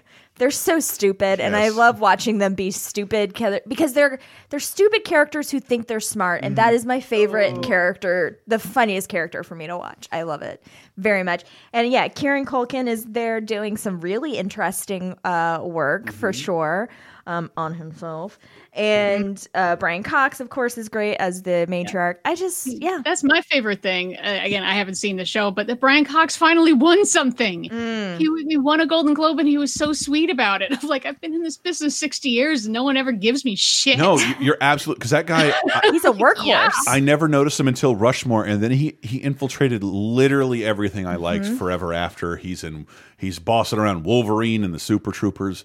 And in the, this show, he plays a guy who almost dies in the first episode. And like, Mm-hmm. we don't have a lot more time to honor how dope Brian Cox is, and he's Yeah. really good on this show. Mm-hmm. Oh, he's just an awful, awful man. Mm. And I don't know. the only thing I, I I don't like is that the show seems to delight in not telling me what motivates him in any way because I don't know what his fucking game is, but he's manipulating his children constantly. Mhm. Being a total piece of shit gives you a reason to root for. All right, he picked her. Mhm. Okay, Mhm. and then takes it away immediately. It's like they're constantly standing on shifting sands, and it's so good to watch. Mhm. And there are so many scenes of it too with uh, the sons trying to do things to impress him, and they are just not quite smart enough. They're not quite good enough to to do it really. And in the meantime, the sister Shiv is just sitting in the shadows, like. What the fuck? She's the smartest out of all of them. The show really makes me reminds me of my constant prayer, which is God bless me with the confidence of a mediocre white man because those sons are just too they're fine. They're not super smart and they definitely don't deserve what they have. And eh, it's just a joy to almost watch. didn't pass on that Thanksgiving Halloween movie. Like almost Right. didn't pass on an idea he didn't have. Anyway, I, lo I love how like close he feels he is to greatness for Yeah. almost not passing on. Fuck you. Fuck this whole family. Yeah. And- and but give own- me more. Give me more seasons today. I want to watch it forever. I, I, I think I, I say sometimes I feel like I hate the show because I hate the characters so much, but they are fascinating to watch. And if they did set up a reality show, it is. Uh, if you didn't read that New York Times piece, I never say things like that. I apologize. Everyone. Ooh la la. Uh, Look uh, at you. about- there is an actual like fight for the Murdoch empire, like a Mm. crazy one Mhm. brewing right now with all of his children. And I'm pretty sure that's where most of the inspiration from the show comes from. And Mm-hmm. the most capable person may have too many scandals under his belt and doesn't want it anymore. Mm. Wow. And it like it, it's exactly like that that's going on. And and stupidly, that will shape what we watch. Yeah. And will shape Ugh. sadly their secession story will shape our fucking world. Mm. And that's why I, I guess that's why I delight in Succession so much, but I do hate these people. Oh yeah. and I don't okay. think they should have a show. Just kidding. They're, they're not real. yeah. But- Uh. It Yes. says like, the whole story too says a lot about like where we are with media Mm-hmm. because they are heavily involved in politics. They're buying up new like tiny local news stations, and Mm-hmm. there's a lot of talk about wh- how do we push our content into the local news, and can you do that? Is that ethical? Da, da, da. And it is Mm-hmm. Exactly just what's happening. Woo! It makes me sweat a little, Mm-hmm. but it's great. Can I talk about something on the opposite end of the spectrum, though, that I know nobody Sure. else, but just for all you people out there who still watch network television, which I do, Mhm. just not on a network, there are two major network situation comedies that I have to recommend. Oh, I'm just Uh, going to say I am behind, I have not seen a single moment of the new season of The Good Place. Oh, The Good Place is Oh, great. so good. That's not on my list to recommend because, come on, people, we all know it's great. Okay. Um, but new this season is a very charming little show called Perfect Harmony. Perfect Harmony, um, and starring Anna Camp and Bradley Whitford. I watch it on Hulu, and it's very sweet. It Is the story of a music professor whose wife dies, and he moves to her hometown because she has, still has property there, and kind of gets stuck there in his grief, and somehow gets around to being the choir director for this small town church's choir. And so it's very charming. It's him in this small town, and he's very snobby and adjusting to it. And there's also great singing and musical numbers. Oh. And it's just, it's a sweet, right. uplifting show that when you're looking for something that's not going to tax you too much and you want to see Silver Fox Bradley Whitford do his funny, grouchy bit, which I'm always here for, and Anna Camp, who's just gorgeous and has a wonderful voice, that's a good thing to throw on. Um, and the other one that I want to recommend, and technically it is in its second season, but I still find it to be wonderful, is Bless This Mess, which is a horrible title, Yes. but it is a We threw away everything my grandma had when she died that said that on it. Nobody wanted it. But it's a show that's got all your favorite people in it being funny. It's created by Lake Bell, who is one of my favorite. I mean, I hate her because she is a beautiful person who's also funny, and that just shouldn't be allowed to happen. But um, it's created by her and Elizabeth Meriwether, who also created the New Girl.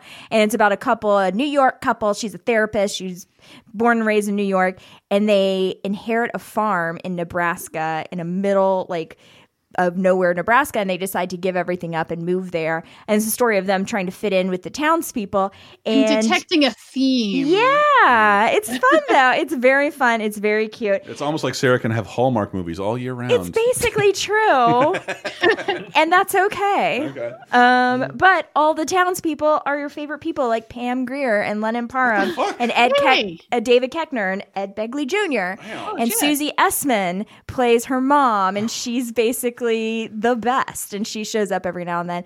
It's fucking charming as hail, Mm. and it's really funny actually too. So yeah, watch it, y'all. Treat yourself. Okay. All right. I, I have a couple of recommendations that are basic cable, Mhm. uh, not network. Um, FX, I think, is becoming my favorite network just because they own real life miniseries is so fucking well. Right. Fuck. there was a bunch of stuff I didn't check out this year that was on my list. Yeah, I mean, they did a couple of years ago. They did People versus O.J. Simpson. They did Feud Betty versus Joan, which is my favorite thing on earth. Uh, and this year it was Fosse Verdon, and I was already pumped because I love Bob Fosse, and I I knew some about Gwen Verdon, but not much. But even not being like a big Broadway theater dork, uh, I found it fascinating, and the performances were outstanding. I mean, it's Michelle Williams and Sam Rockwell uh, with a bad comb over the whole time and it does not pull punches. It pretty much paints Bob Fosse as a sex addict Yeah. that he probably was, and also had drinking and drugging problems and treated people terrible, but is a genius, but also is impossible to live with, and also works best when he has his wife as his partner, and it's getting into the that territory of like, is the art worth being abused? Mm-hmm. or mm. being unhappy if it creates something that everyone loves so much. and then one thing that's important that I didn't even think about until later is they actually got to use the Fosse choreography for stuff. So as he's making Chicago or he's making Cabaret or whatever, Pippin, that they could use the work that he actually did, which is hmm. good because I hate in things when it's like, okay, I know that they're supposed to be filming, let's say, Gone with the Wind, Right. and they can't make it Gone with the Wind, so they're calling it like the Battle of Atlanta, and Yeah. this stars heroine Blanche O'Mara. oh come on, just fucking get the rights already. Yeah. I hate that too. I can't believe Yeah. I missed out on that this year. It's like they made this show for me. I've seen all that jazz a million times. I've made Sam watch it a million Yeah. times. I mean, I Yeah, feel like it will feel very familiar if you're Yeah. familiar with all that jazz of like, oh yeah, yep, here he is being a dick to his daughter. I love it. I've only seen the porn parody. Hmm, all that jazz. Huh. No. Why would they call it that? Oh. No. No, it's ass that jizz. I, I'm surprised. you got a dirty mind, girl. yeah, so I learned it from you, Dad. yeah, even if you're not, you know, just a big theater nerd, uh, I think it's worth it just for just for the performances. Sam Rockwell is great, and Michelle Williams is fucking amazing always. To the to the credit of uh, whiny children all over the internet right now, um, we don't tolerate that kind of behavior from our showbiz people anymore. I don't think. and it's getting less. Oh and no, he would have been me too'd out of the business real fast. yeah, yeah, and his, so I, his behavior in this is terrible. I, I- I said that both flippantly and, and in total agreement. But that I do love old showbiz stories where people can literally get away with murder, and there are people like whose job it is to help them do that, so they can keep making songs. Yeah, exactly. Uh, I love those And old then- stories. But still, as any year it comes out, it's still the best thing of the year, and that's documentary now. Yeah. Oh hmm. yeah. Yeah. Documentary now, I think had its best season ever this year, which Shit is Valley. which is amazing for something that's in what third, fourth season. With all its cast show members so gone from the show, because they lost Fred Armisen and Bill Hader's like full time people Yeah. on the show, right? Yeah, so they're mm-hmm. not in every single episode mm-hmm. anymore. They'll pop up a bit. I But you- mean, every You get a John every Mulaney. season is amazing. Yeah, hmm. I'm But- okay mm-hmm. with that. Yeah, but documentary now, my God, if you haven't seen it, you really, really, really, really should because they are note perfect parodies of documentaries. And this year they went big with Batshit Valley, a two parter. The Wild Wild Country parody. Oh the Wild Wild Country Yeah. parody Oh, that God. takes turns you were not seeing coming. oh my god, I can't if wait. you've seen Wild Wild Country, it's so perfect. Oh, yeah, and even if Oh, you haven't, it's still funny. But Owen Wilson is a cult leader, man. I get it. Come on, you're done right there. That's actually mine and Sam's uh, movie project this year that we're starting. Is we're going through the documentary now episodes and watching the source should. material first, Oh, and then and so. Nice. I actually we're starting at the very beginning, and I have the DVD of Grey Gardens, which I rented from my library, sitting on our coffee table because Sam's never seen Grey Gardens, and Oh boy. Yeah, I, I for some reason grew up really, I guess because my dad watching a ton of documentaries. So the Mm-hmm. first two seasons, like I don't need to do any re research. I've Yeah, seen all these, I know. and I but I, but the new ones I do. And uh, I did have the beautiful moment of loving. Doc One day, I wrote songs, Mm-hmm. parodying the songs and the performance of said songs of Talking Head Stop Making Sense documentary. And it's so fucking funny. The songs they make up to everybody's moving around. Like, like it's so fucking funny. Like you have like I I have never I, I was delighted to be able to recommend a show like Documentary Now to someone whose favorite movie is a documentary. I can't wait. And if you Yeah. if you if you know anybody like that, you'll look like a true hero for introducing Documentary Now to them. Yep. And then this year also had uh, another show where they had to do a whole bunch of songs. They had co-op the musical. Oh, yeah. I I do quote now because uh, anytime I see home decor I don't like, I call it and the beige and the brown and the beige and the brown and the beige. Uh, it was it was written in the seventies also. Exactly, That's it's about the 70s. Yeah. About having your very own apartment in the 70s that you could decorate in beige and brown. The only two colors of that era. It matched everyone's teeth. Yes, And fingertips. That's- that's- Yeah. exactly. yeah and then yeah rounding out that because i mean each season's like three episodes so rounded out was uh, waiting for the artist with cate blanchett as a performance artist and she fucking goes for it I don't know this. it's so good and it's got fred that was fred armisen It's in based on the artist's present, right? It. right The Marina Abramovic. Abramovich. I've never Yeah. felt so Yeah. unqualified to do this show. I have no idea what this is Yeah. or where it came. What Yeah, channel is it on? yeah, she's, Well, she's- that's it's part of the documentary now. Oh, okay. Yeah, yeah. Sorry. Yeah. yeah where she's uh, a performance artist and everyone thinks oh her best work was when she collaborated with this other artist who really just let her do all the work Mm-hmm. he's just a man who sits around and she you know has to like run through a minefield full of barbed wire for the art and he just sits there and everyone's like oh they did such a good job and then she finally gets some payback hmm. hmm. to Yeah. catch up on documentary now. It's not to me. It's not one of those things I can totally binge. But it, whenever Yeah. I do watch an episode, I'm like, it's nice to know someone still likes making things for me. Yeah. Like exactly Exactly. I say, having I liked feel a lot like of you're television. making this for me. I mean, mm-hmm. just yeah, Cate Blanchett wearing a fur coat, crawling around on all fours, licking milk out of a bowl, going, "I am human. I am human." Like, I need this in my life. Thank you. yeah, Thank not you for not that. not that I don't have a lot of things made for me. It just I think I talked about it last week with Taika Waititi. Like that guy being introduced 20 years ago when I'm really a young person. Like I feel like I would have to champion like Bruce Campbell. No, no, he should be involved in everything. Oh wait, he is now. Great. Yay. We're we're good. Yeah, someone listened. In documentary town, like this is going to get canceled. Oh, it didn't, and more people get involved every year. Oh, weird. What a time to be alive. and I, uh, uh, yes, and keep going. There's one television show I didn't mention yet that uh, we have to, but I want to. I want Oh, Diana to keep going. I- are you- does it have to do with Taika Waititi? yes, it does. Oh. well, I it's it's not talking what we do in the shadows, which uh, Oh. which I didn't hate, No. even though I, I was I was Yeah. totally prepared I to hate it. it. I love that. I love it. Oh, come on. The Vampire Council episode I, is one of the best. I can't so- belies that's not like a With series. Wesley Snipes. I know. I hate. like a I read a spoiler finale. that Wesley, Wesley Snipes, makes an appearance. Skyping in from a hotel center to be part of the Vampire Council. Yeah, that sounds like Snipes. Because I, I, I like I I, I discovered him on Garth Marenghi's Dark Place, but Yes. uh, he also has a show on Netflix that you can watch from like the early 2010s called Toast of London that I think is is absolutely fantastic. It's just like this fatuous actor who's trying to make it big and gets cast in the worst play ever that people will show up to just to hate. oh, and, and he's he's he's one he's one of my favorite voices on uh, uh Disenchanted. Uh, Yes, pig. he, he got turned into a pig, and I think like one of the first episodes, and just stays up, stays a pig. Yeah. With Matthew Berry's voice, like it's always very Very important. happy this way.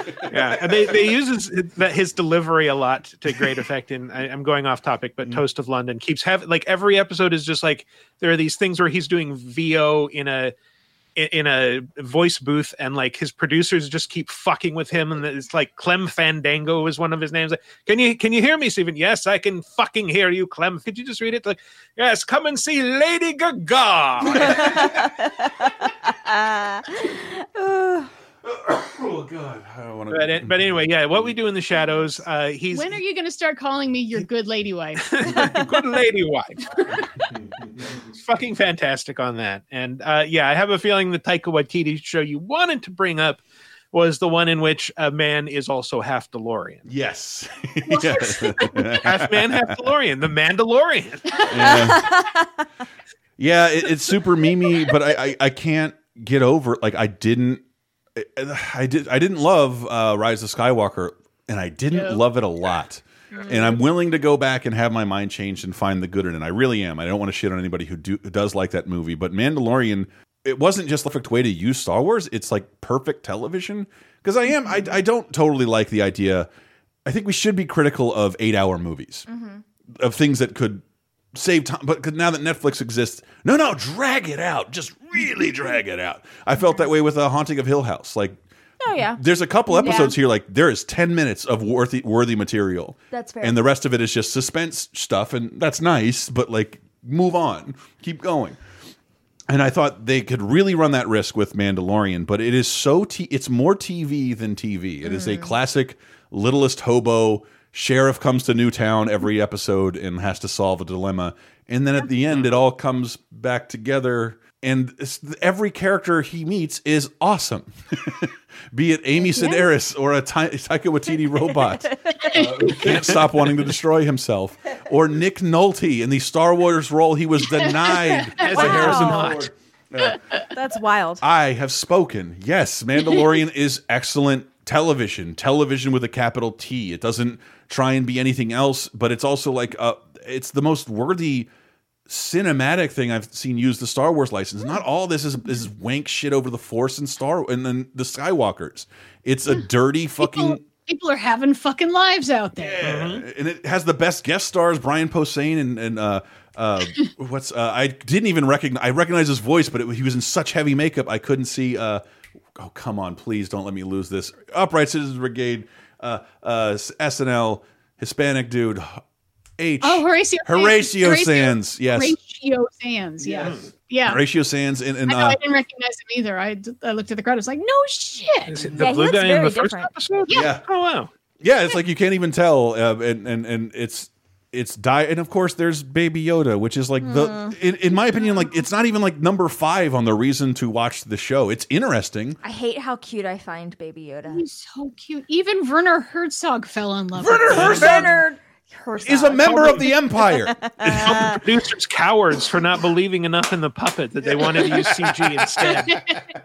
but it, you have all that going for you it's fucking and carl weathers in his greatest role ever since arrested development Okay, I was gonna say. and, and, and, like it's just wonderful, wonderful casting. I think, and uh, and, and turns out to uh be a brilliant television experience because it starts out very episodic, meets a new person every episode, and they find an all reason to come back in the end in a really rewarding way. Okay, you sold me. You got to see it. And like, I mean, that's part of the reason why we got Disney Disney Plus. I was like, babe, we just need to do this because come on, It looks we have to be part expensive, of the but it's a- cultural conversation. a real deal western. I think it does. It even does itself better service by not using a John Williams horseshit score, Hmm. which no Star Wars thing has Oh, ever really done.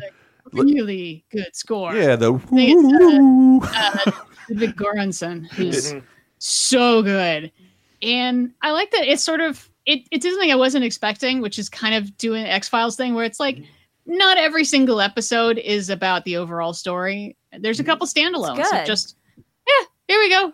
Yeah, we're just we're gonna do Magnificent Seven for an hour. Sit back, enjoy. I like uh, TV shows that sometimes do of the weeks. You know, yeah, yeah, exactly. It's- There's it's a bunch of the weeks in there. There's and a reason some why overalls. procedurals are so popular. And and there's like and there's that. there's whenever they do fan service, it's like confident or like ah, that's salacious crumb being cooked. Or, I'm still impressed that they managed to take the ATST, which is like it, it's become so familiar from so many Star Wars video games and everything else, and they made it scary. Yeah. They actually made uh, one of those chicken walker things scary. Yeah, the thing that, that's constantly bested that BB-8 has defeated the Empire with almost single balledly, and and, and, and, and yeah, and, and in a way that like all the fan service in Rise of Skywalker really fucking like, dude, this is so cheap. All of this is so cheap. Especially your ability, to, like, I'm gonna kill your favorite character. No, I'm not. Times five. Mm. Like, like all that shit. And then the Mandalorian does something like, no, that that dude's probably gone forever. Who is this other person that might be coming onto the show? You don't really know, but maybe they're important, maybe they're not. Hmm. Uh, it, I don't know. It's it's totally enjoyable outside of Star Wars universe. I think if it aired, if it aired in the '70s or now, people would like the Mandalorian, whether Star Wars existed or not It, it, mm-hmm. it exists well it's in its own universe, and I talked a bit about that on Video Game Apocalypse. I didn't know Jon Favreau had sort of developed this Unreal Engine, you know, the same engine that makes Fortnite in, in VR. That's how he makes the show. Like, there's a lot of yeah, there's a lot of blue screen stuff, and the idea of like he gets in a they get in a VR helmet and like set up shots occasionally, and all the backgrounds are made with a, Wow. a video game engine, and it helps them make stuff really fast and like get it in, and also to get inside this digital environment and move stuff around. So it looks really pretty. It moves like a normal television show, and I do think I'm making the predictive. I didn't know anything about Dave Filoni. I'm sorry, Clone Wars, Clone Wars fan, he, but I think with him and Jon Favreau, we kind of found the people who actually will shepherd the new Star Wars universe. Oh. I think Disney will place a tremendous amount of trust in them The going swingers forward. Mhm. the swingers guy, the guy, uh, the guy who picked his nose in PCU. Okay. Well, You know, we all have journeys in our lives. I, I, I think Jon Favreau needs to relax. Like maybe rub one out and let someone else make something in a major franchise. You can't produce all the Marvel stuff and all the fucking Lion King and all the goddamn Star Wars stuff. That's true. Uh, but He's but doing it all. I never disliked him, uh, and even though I won't see Lion King yet, I'll see it eventually. It was fine. I know it's going to be fine. I just don't care yet. But Mandalorian is above board excellent, and it's I've never seen a streaming service with the confidence to launch with one good thing. but, but Disney Plus did because of because of its archive content. But if you know me, I have all that shit on digital and DVD right now. Well, anyway. really, there were two draws. It was the, the Mandalorian and finally getting that 4K upres of Herbie Goes to Monte Carlo. Uh, I thought you were going to talk about Sammy the Way Out Seal. which I can watch anytime I want now.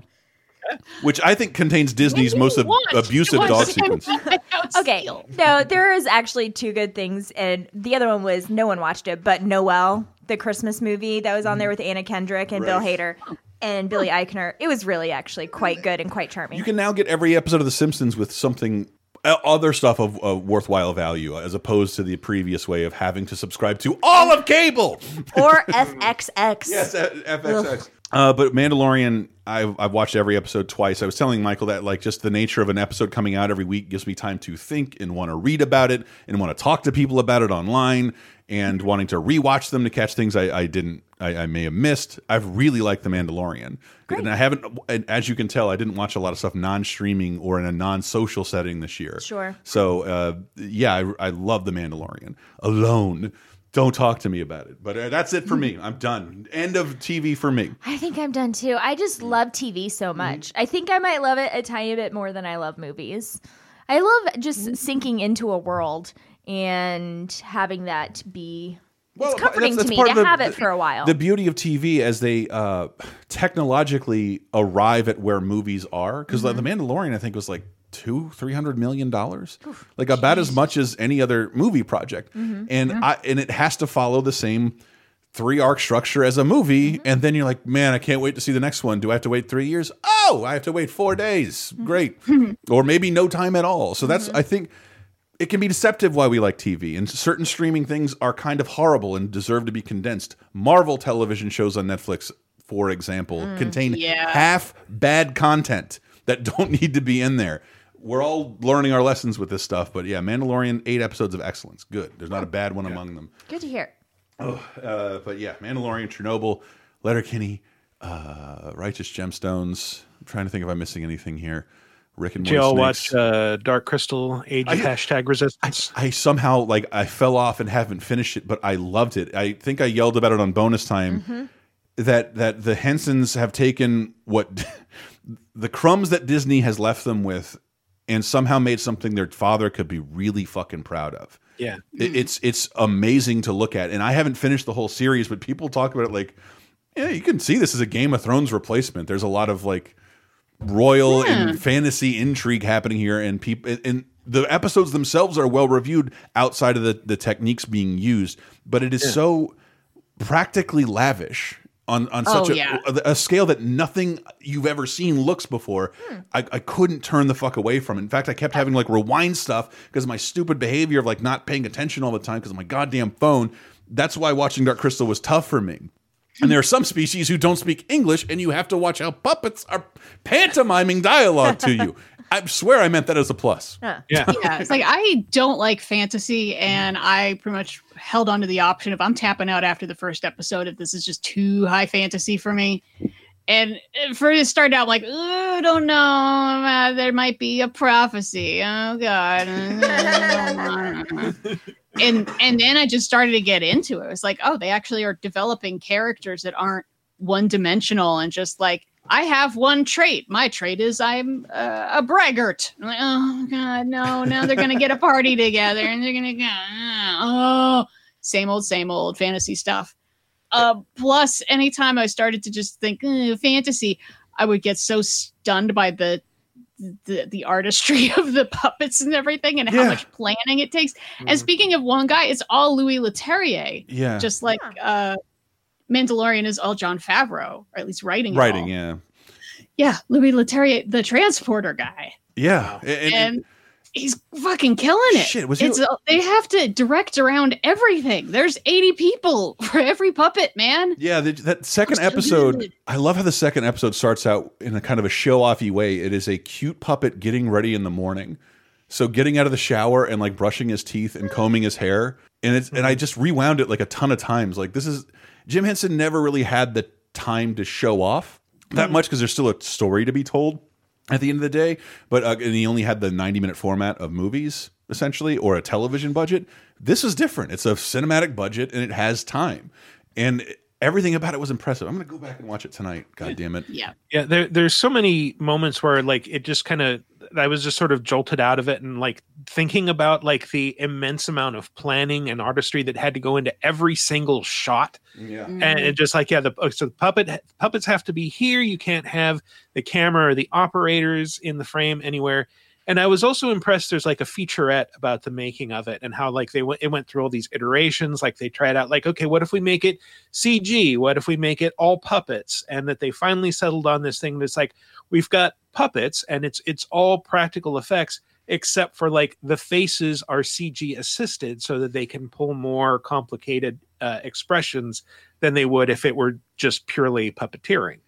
Yeah. I thought that was fascinating. But it's not like superimposed. They don't Right. look uh like what Marlon Wayans in, It's not in that like Clutch Cargo. movie. Yeah, Yeah. they don't look Right. superimposed. They they just tweak it just a little bit. Yeah, and there's there's clearly like certain background shots, like the castle is real and the field in the background is CG, but it's Yeah. uh, it, it- you're still seeing like true artistry in a way. I don't know that we've ever had another show like this in terms of artistry and puppeteering. I mean, obviously there's artistry in like any Muppet production, but like this is lavish and big. Oh yeah, And if you read that story, Louis very expensive. Louis Letier, uh, how do you say his name? Leterrier. he the story of him to prove that it's different there was a fire in the studio i just read about this like two days ago and he was the only one there editing so he had to draw the fireman a map and then single-handedly go in and like pull out 80 creatures like dozens of creatures and Oh save them from a save physical objects that are your stars your inanimate stars from a fire Oh my lord! and it's like, man, I wish someone was there to film him doing that. But he was there at four in the morning editing, and he saved the production that is a show business story. It's a that'll great show keep going story. forever. That's really good. Oh my goodness! But uh, that is is that definitely it for us? Oh, I think I'm tapped. We good. Yep. I do want to throw out one quick mention. It, it wasn't one of my favorites, but I am pretty impressed that The Terror became a an anthology show this year. That, Yeah, that so the first up the first season of The Terror, if you watch it, is like it's based on a book that's based on a true story of the ship called The Terror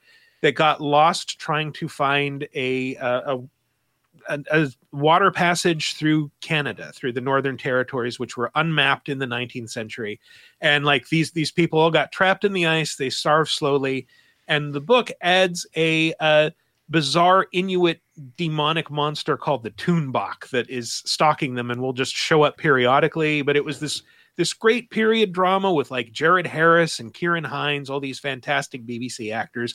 And then the season two, the infamy is like now it's a ghost story set in an internment camp during World War II, and it's all uh, it's mostly Japanese American cast, and it's you know George Takei is in it, of course, and it's exploring uh, what uh, Japanese Americans went through while at the same time they're being stalked by this very literal ghost from the old world. Yeah. I like anthology shows, man. Mhm. I, I I want more of these. Well, it was. We can always end it with saying the stuff we're excited for, and I just saw the Oh, trailer yeah. for the new Fargo series. Did I send that to you? Okay. I meant to send it to you last night because, yeah, that looks fantastic. Another thing that shouldn't be good and usually is. Yeah, man. Chris Rock is going to be in that one. I know. It's going to be so good. And uh, I I know it's it came out I think at the end of last year, but I really wanted to see the Steven Moffat Dracula. Yeah. which I've heard mostly good. Th everyone seems I've to heard hate the end. Yeah, mixed but uh, likes that the likes you know it's three 90 minute episodes, so Yeah. I don't know. I'll I go can't for really it. Jump into that Mhm. and more Rick and Morty, obviously one of my favorite Yeah, shows. and Hulu is just oh they know what I'm they they know they know they know me. Uh, because they've just started advertising. I can't tell if it's a movie or a mini series about Phyllis Schlafly starring Cate Blanchett. Yes. Yeah, that one's going to be you have very my good. attention. Well, and I, I was going to say if we do this next year, which it's been an annual tradition for some time, next year will be when we have Peacock and HBO Max and all these other streaming services that are tearing our other streaming services apart. So I sort of can't wait to see what how we feel next year. Like because I think we'll have to spend a lot more money to see the best things on television than we ever have before. Hmm. yeah. Or we'll just be back to cable again. Yeah, maybe mm-hmm. that would you, that wouldn't help you with Hulu, Netflix, or Disney Plus. That's true. and and that's where all the and Amazon. That's where the best things are going. I Um, mean, the vast. I think every show we talked about, except for what, 2 mm-hmm.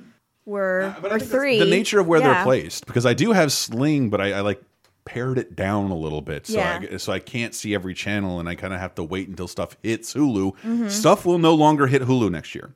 That's a thing of the past. That is. NBC stuff's not going there, and Warner, but Time Warner stuff's not going to go there. So that's going to go to HBO Max. Uh, you just, I think we read at the end of the year, like Friends finally left Netflix, and Yeah. you'll never see it again unless you buy the DVDs or subscribe to Peacock.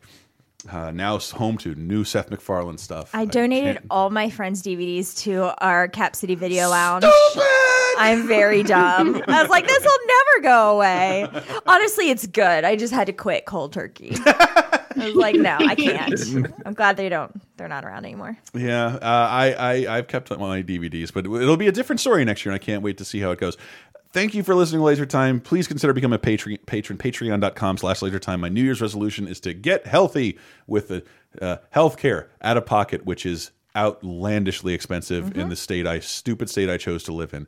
Uh, and yeah, but you can hear more Laser Time. We have a bunch of episodes with the very same people you're listening to now coming at you this year. That'll be very fun every single week. Hopefully, a little more on time than 2019. And uh, you can also find some of these people elsewhere, which is race race to the plugging your show. I'm not gonna. Uh, yeah, you Yeah. can hear me.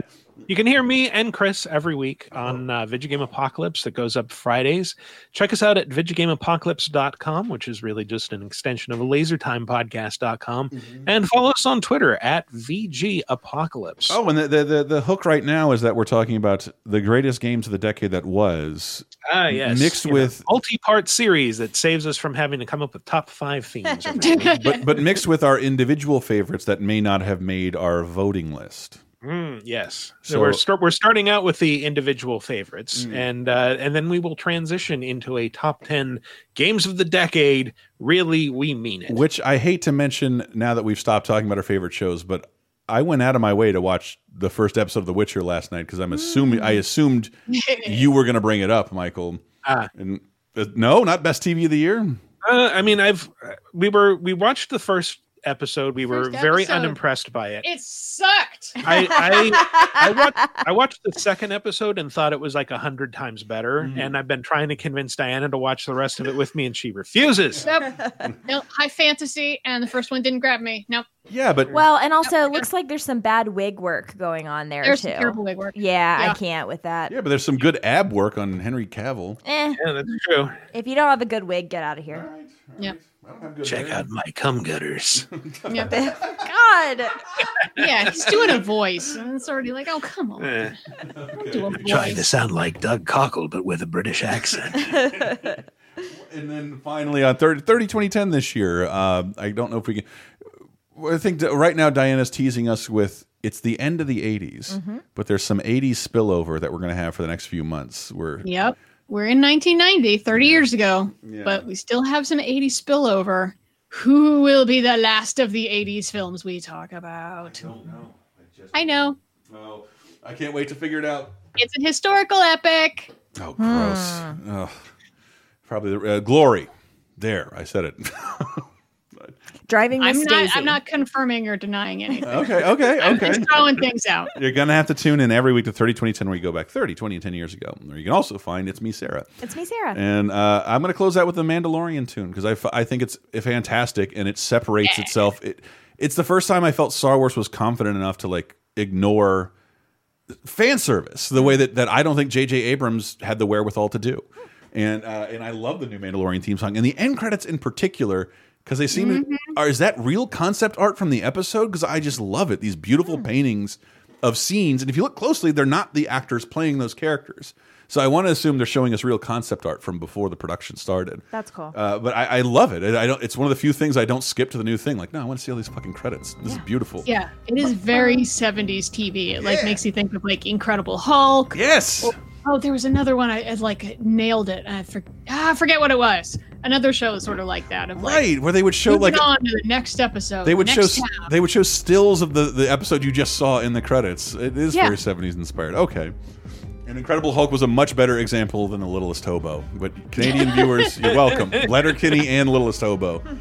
Uh, anyway, we are we are Laser Time. Check us out. Tell a friend. Patreon.com slash Laser Time. We are out of here. We love you. Bye.